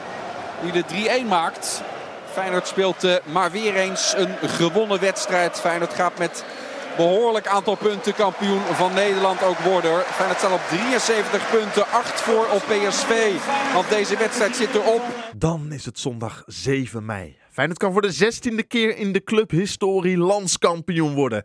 Dat kunnen de Rotterdammers doen op een bijzondere plek en op een bijzondere dag. Want ga eens even terug naar 7 mei 2017. Toen won Excelsior verrassend van Feyenoord. Dat een week later gelukkig alsnog, we kennen de afloop allemaal, tegen Heracles de titel zou pakken. Maar doordat PSV een dag eerder met 1-0 van Sparta wint, moet het titelfeestje van Feyenoord even worden uitgesteld. Een weekje later dus, als Excelsior maar wordt verslagen. En dat doet de ploeg van trainer Arne Slot. Met enige moeite weliswaar. Hartman even terug weer naar Hansko op de middenlijn. Maar iedereen, elke veldspeler staat er op de helft van Excelsior nu. Geertruida, prima bal naar Paixão. Krijgt daar wat ruimte van Zagré. Paixão met de voorzet. Doelpunt Feyenoord.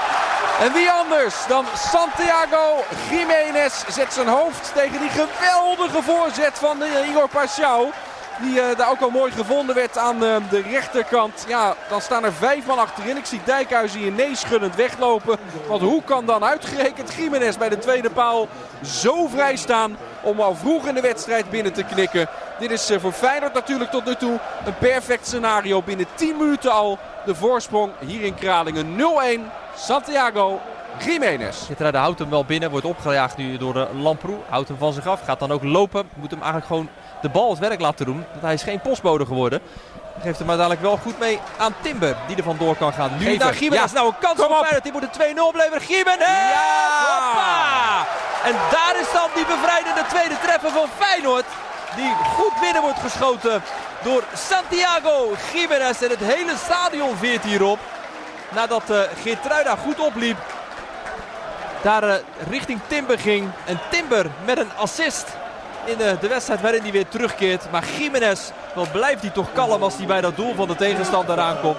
Ziet daar Van Gassel en schuift hem keurig in de verre hoek. En Feyenoord komt na 75 minuten op een 2-0 voorsprong op bezoek bij Excelsior. Na deze 2-0 overwinning bij Excelsior hoeft Feyenoord nog maar één keer te winnen. Thuis tegen Go Ahead Eagles. Net als in 2017 kan Feyenoord op zondag 14 mei kampioen worden. Hoe bijzonder is dat? De spanning stijgt in aanloop naar de kampioenswedstrijd van Feyenoord tegen Go Ahead Eagles. Iedereen wil erbij zijn. De kaartjes gaan voor hoge prijzen over de toonbank. Zo'n 50.000 supporters mogen maar getuigen zijn in de Kuip van Feyenoord tegen Go Ahead Eagles. Maar in Rotterdam, in Nederland en overal ter wereld kijken mensen rijkhalsend uit naar de wedstrijd. Feyenoord Go Ahead Eagles voor de landstitel. De rookwalmen van het vuurwerk die een beetje blijven hangen. En het publiek dat al uitzinnig is vanaf het moment dat de aftrap daar is. En die aftrap is verricht. Meteen een diepe bal door Go Ahead. Feyenoord heeft de tos gewonnen. Zien we nu pas nu dat spandoek weg is. Feyenoord dus in de tweede helft naar de fanatieke aanhang toe. Go Ahead voor het eerst met de bal verlies. Als de bal over de zijlijn wordt gelopen mag Feyenoord links achterin met Quilinci Hartman een inloop gaan nemen. Wat een seizoen ook voor hem hè. Hartman die in zijn eerste seizoen bij de profs meteen kampioen met zijn Feyenoord gaat worden. Feyenoord bouwt weer aan een aanval met Idrissi en Simanski. Terug naar Idrissi. Idrissi in het 16 meter. Het legt hem af. Kuksu! Oh, het schot wordt geblokt van Orkoen, uh, van Orkoen Kuksu. Sorry als jou in de gordijnen hing. Maar ik dacht, die, gaat hem, uh, die gaan hem binnenjassen vanaf die afstand. Kan nog steeds een goal worden. Want Pedersen houdt de bal in de ploeg. Hij gaat achteruit naar Geertruida. Breed naar Hansko. Feyenoord verhuist dus van rechts naar links. Zeker als hij naar Idrissi toe gaat. Idrissi tegenover zijn directe tegenstander. Gelijk rugdekking er ook bij. Daar aan die uh, linkerkant via Wiever naar Idrissi. Ja, Idrissi moet scoren. Ja! Ja! Ja, ja, ja, ja, ja!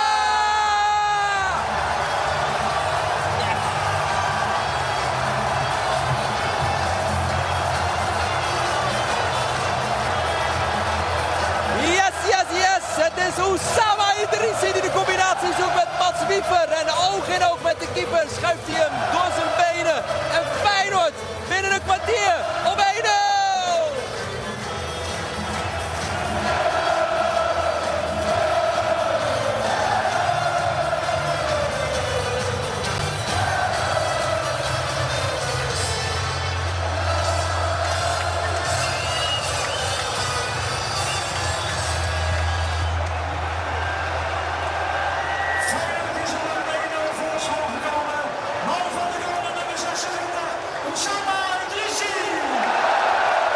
De stoeltjes hier in de Kuip trillen nog een beetje na. Maar zo vlak na die goal leek het alsof die Kuip, die Kuip weer leefde. Dat die Kuip weer beefde. Het staal dat meebewoog op al die honderden mensen. Op die vroege goal van Oussama Idrissi. Wat een moment voor hem. Wat een moment voor Feyenoord. Feyenoord met alle veldspelers op de van Go Ahead. Omsingeling van die, uh, van die goal van uh, die defensieve ploeg die uh, daar rondom het eigen 16 meter ook staat is gaande.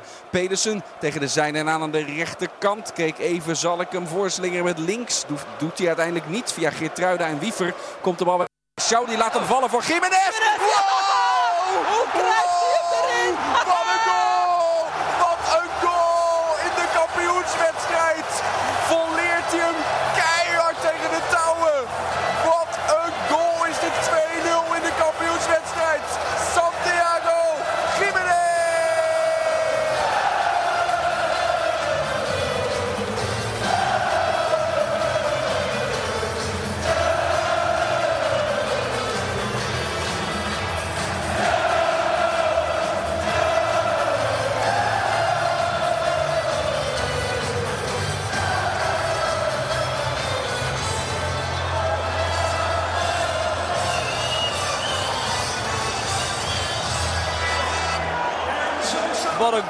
Was dit zeg van Santiago Jiménez.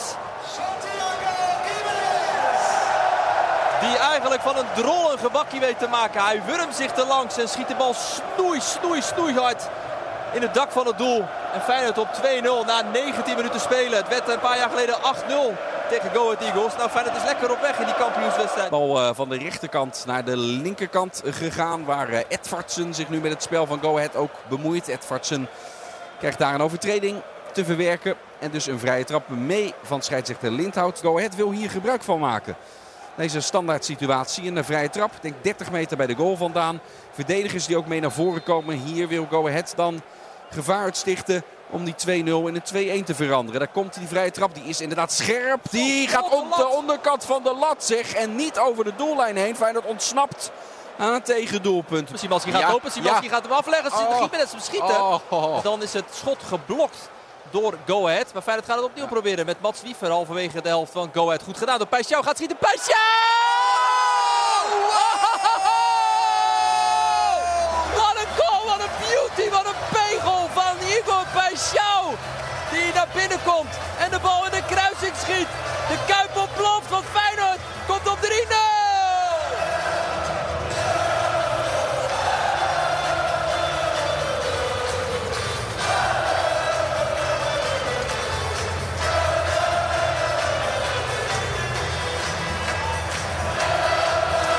een middag, wat een middag, wat een mooie middag.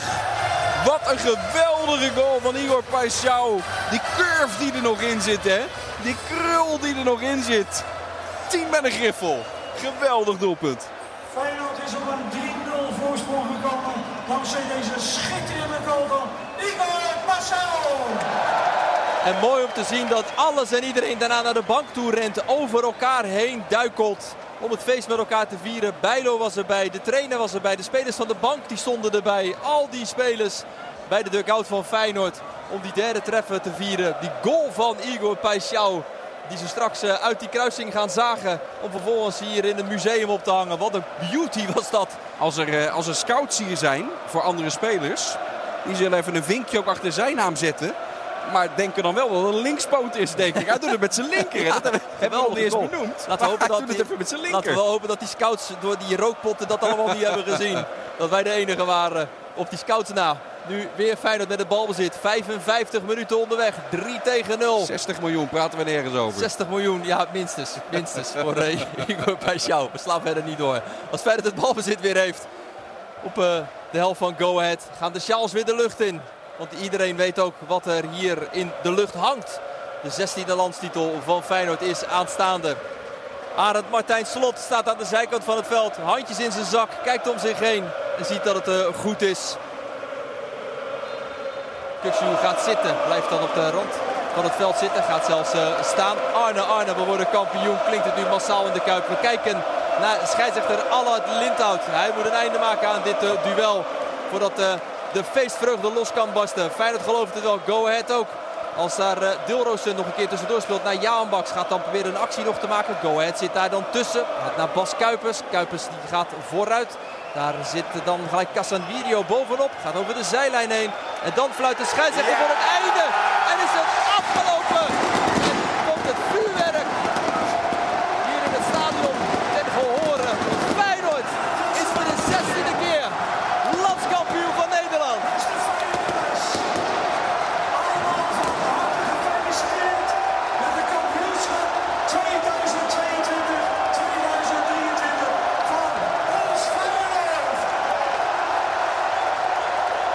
Spelers komen bij elkaar op het veld.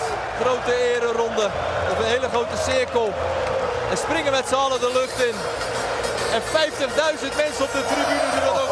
Je meenemen in de sfeer hier in het stadion. Want het stadion beeft. De vloer die trilt onder onze voeten. Dit is bizar zeg. Het hele stadion trilt op zijn grondvesten als Feyenoord landskampioen is geworden. Geertruida rent een cornervlag en viert het feest. Alle andere spelers die gaan richting eh, de noordzijde. Waar de fakkels gestoken worden. Waar het één groot feest is. Arne Slot wordt omarmd op het veld. De technische staf valt elkaar in de armen. En de supporters houden de schaal omhoog. Feyenoord is landskampioen. Sidi Justin Bijlo. Sidi Justin Bijlo die trekt een sprint. Gaat over de boarding heen. En staat nu tussen de supporters van Feyenoord. En uh, de rest van de ploeg komt nu achter hem aan. Gaan daar richting waar dus dat uh, uh, vak X is. Klimmen allemaal over die boarding heen. Staan daar te hossen, te springen. Zo dicht op die supporters dat ze het zweet kunnen ruiken. Ali Reza Jahanbaks klimt op die boarding. Torend boven iedereen uit nu. En de technische staf van Feyenoord staat in de middencirkel. Eén voor één omhelzen ze elkaar. Ik zie de Wolf en Pusic. Ik zie Sipke Hulshoff. En natuurlijk de man, de architect. De man die de trots heeft teruggebracht in Rotterdam. De trots op Feyenoord. Na een heel, heel vervelend jaar kwam hij vorig seizoen. We weten hoe het met name Europees liep. Die trots was weer helemaal terug. De trots van Tirana. En een jaar daarna, dit seizoen, Potjan Dikkie, landskampioen. En natuurlijk een speciaal plekje. Hij heeft het fantastisch gedaan. Dit, uh, onze hoofdtrainer Arne Slot. Hey, hoor eens, Arne zwaait terug. Ja, ja. Arne laat die sjaal even flink losgaan. Met de handen boven het hoofd nu een applaus. Draait nog een keer rond. Schudt de hand met Giovanni van Bronckhorst. Zijn voorganger als trainer die Feyenoord kampioen Mooi. maakte. Omhelzing met Robin, Robin van Persie. En ja, de captain. Wijst naar zijn shirt, hè. Dat is mooi, hè. Het Feyenoord logo. Omhoog trekkend. En die vinger er naartoe zo van... Dit is mijn club. Het is gelukt. ik ga hier niet uh, weg zonder een uh, absolute hoofdprijs achter mijn naam uh, bij te schrijven. Een Kuksu, de absolute aanvoerder van dit elftal. Zo goed dit seizoen. Zo'n geweldige ontwikkeling doorgemaakt. Zagen we ook in die Europese wedstrijden bijvoorbeeld hè, tegen uh, AS Roma. Hij krijgt nu een medaille omgehangen. Ja, dan komt het moment waarop die schaal uitgereikt gaat worden aan de captain van Feyenoord. Terwijl hij al heel de tijd een vliegtuig overvliegt. Die mensen denken we gaan niet landen. We blijven gewoon over die kuip heen vliegen. Als uh, Kuksu klaar staat om de schaal in ontvangst te nemen van Giovanni van Bronckhorst en Robin van Persie. En dat is het zeker. Hij is binnen. De 16e landstitel van Feyenoord.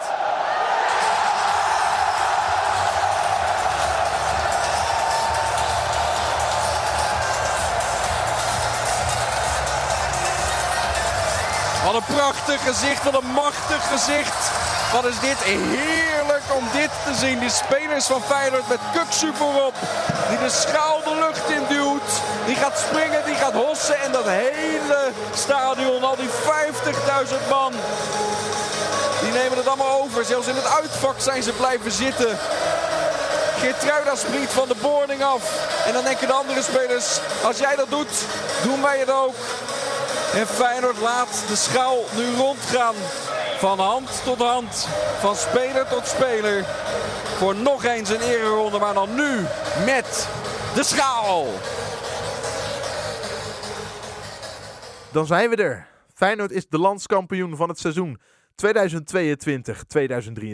Geen enkele ploeg in de eredivisie deed het dit seizoen beter dan de Rotterdammers. Trainer Arne Slot heeft dan ook eindelijk zijn prijs en het is een felbegeerde, de kampioenschaal. Het was een lange zit, maar het was vast de moeite waard om van begin tot het einde te blijven luisteren. Nog eens na te genieten van dit fantastische kampioensjaar van Feyenoord. Mijn naam is Jesse van Zomer en ik praatte deze podcast aan elkaar. Maar ik deed het niet alleen. Je hoorde natuurlijk ook de stemmen van onze verslaggevers Sinclair Bisschop, Dennis van Eersel en Dennis Kranenburg. Frank Stout deed de eindredactie bij deze podcast en Sjoerd de Vos was de man die de teksten schreef, de montages maakte en het researchwerk voor deze podcast deed. Daarmee zit deze speciale podcast Feyenoord erop. Hoewel niet voordat we hebben geluisterd naar de Arne slotfase. Want ja, Feyenoord scoorde dit seizoen wel heel veel in de slotfase van de wedstrijd. En we moeten er ook nog muzikaal uit. Dat doen we met het Feyenoordlied van dit seizoen. En dat kan er natuurlijk maar eentje zijn. Wat ons betreft, bedankt voor het luisteren en graag tot volgend seizoen.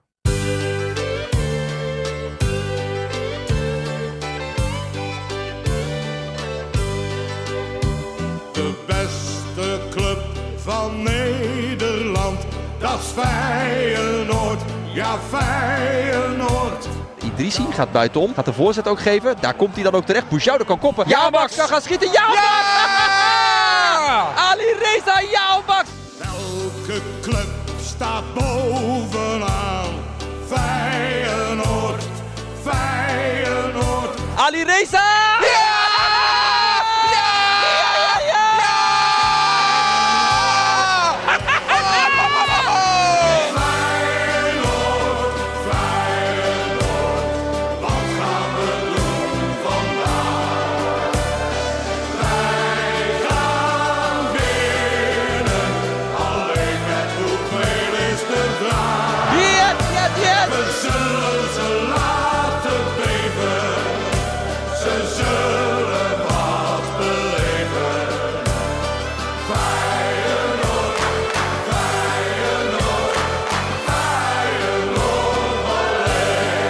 komt die hoekschop door AZ weggekopt. Pedersen controleert met de borst. Moet er opnieuw inbrengen. Zo, Pedersen!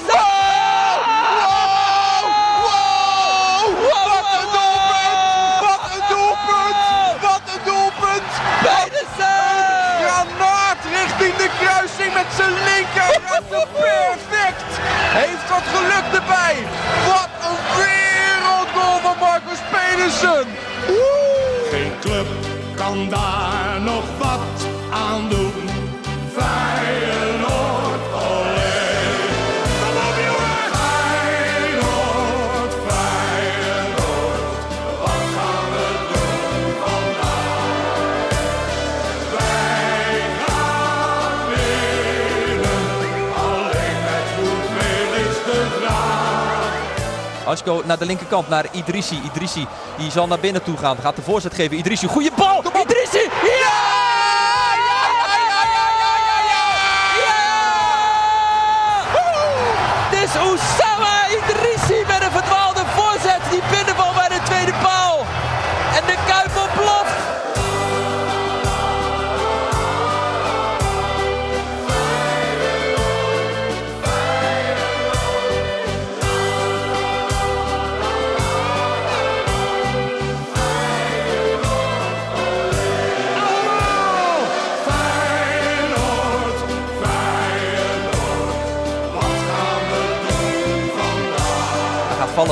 2-3.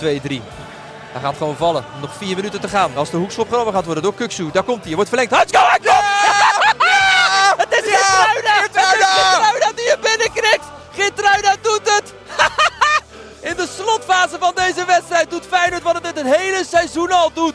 Namelijk doelpunten maken. En deze keer is het Lutjarel Geertruida die er binnenkomt. Feyenoord op voorsprong 3-2.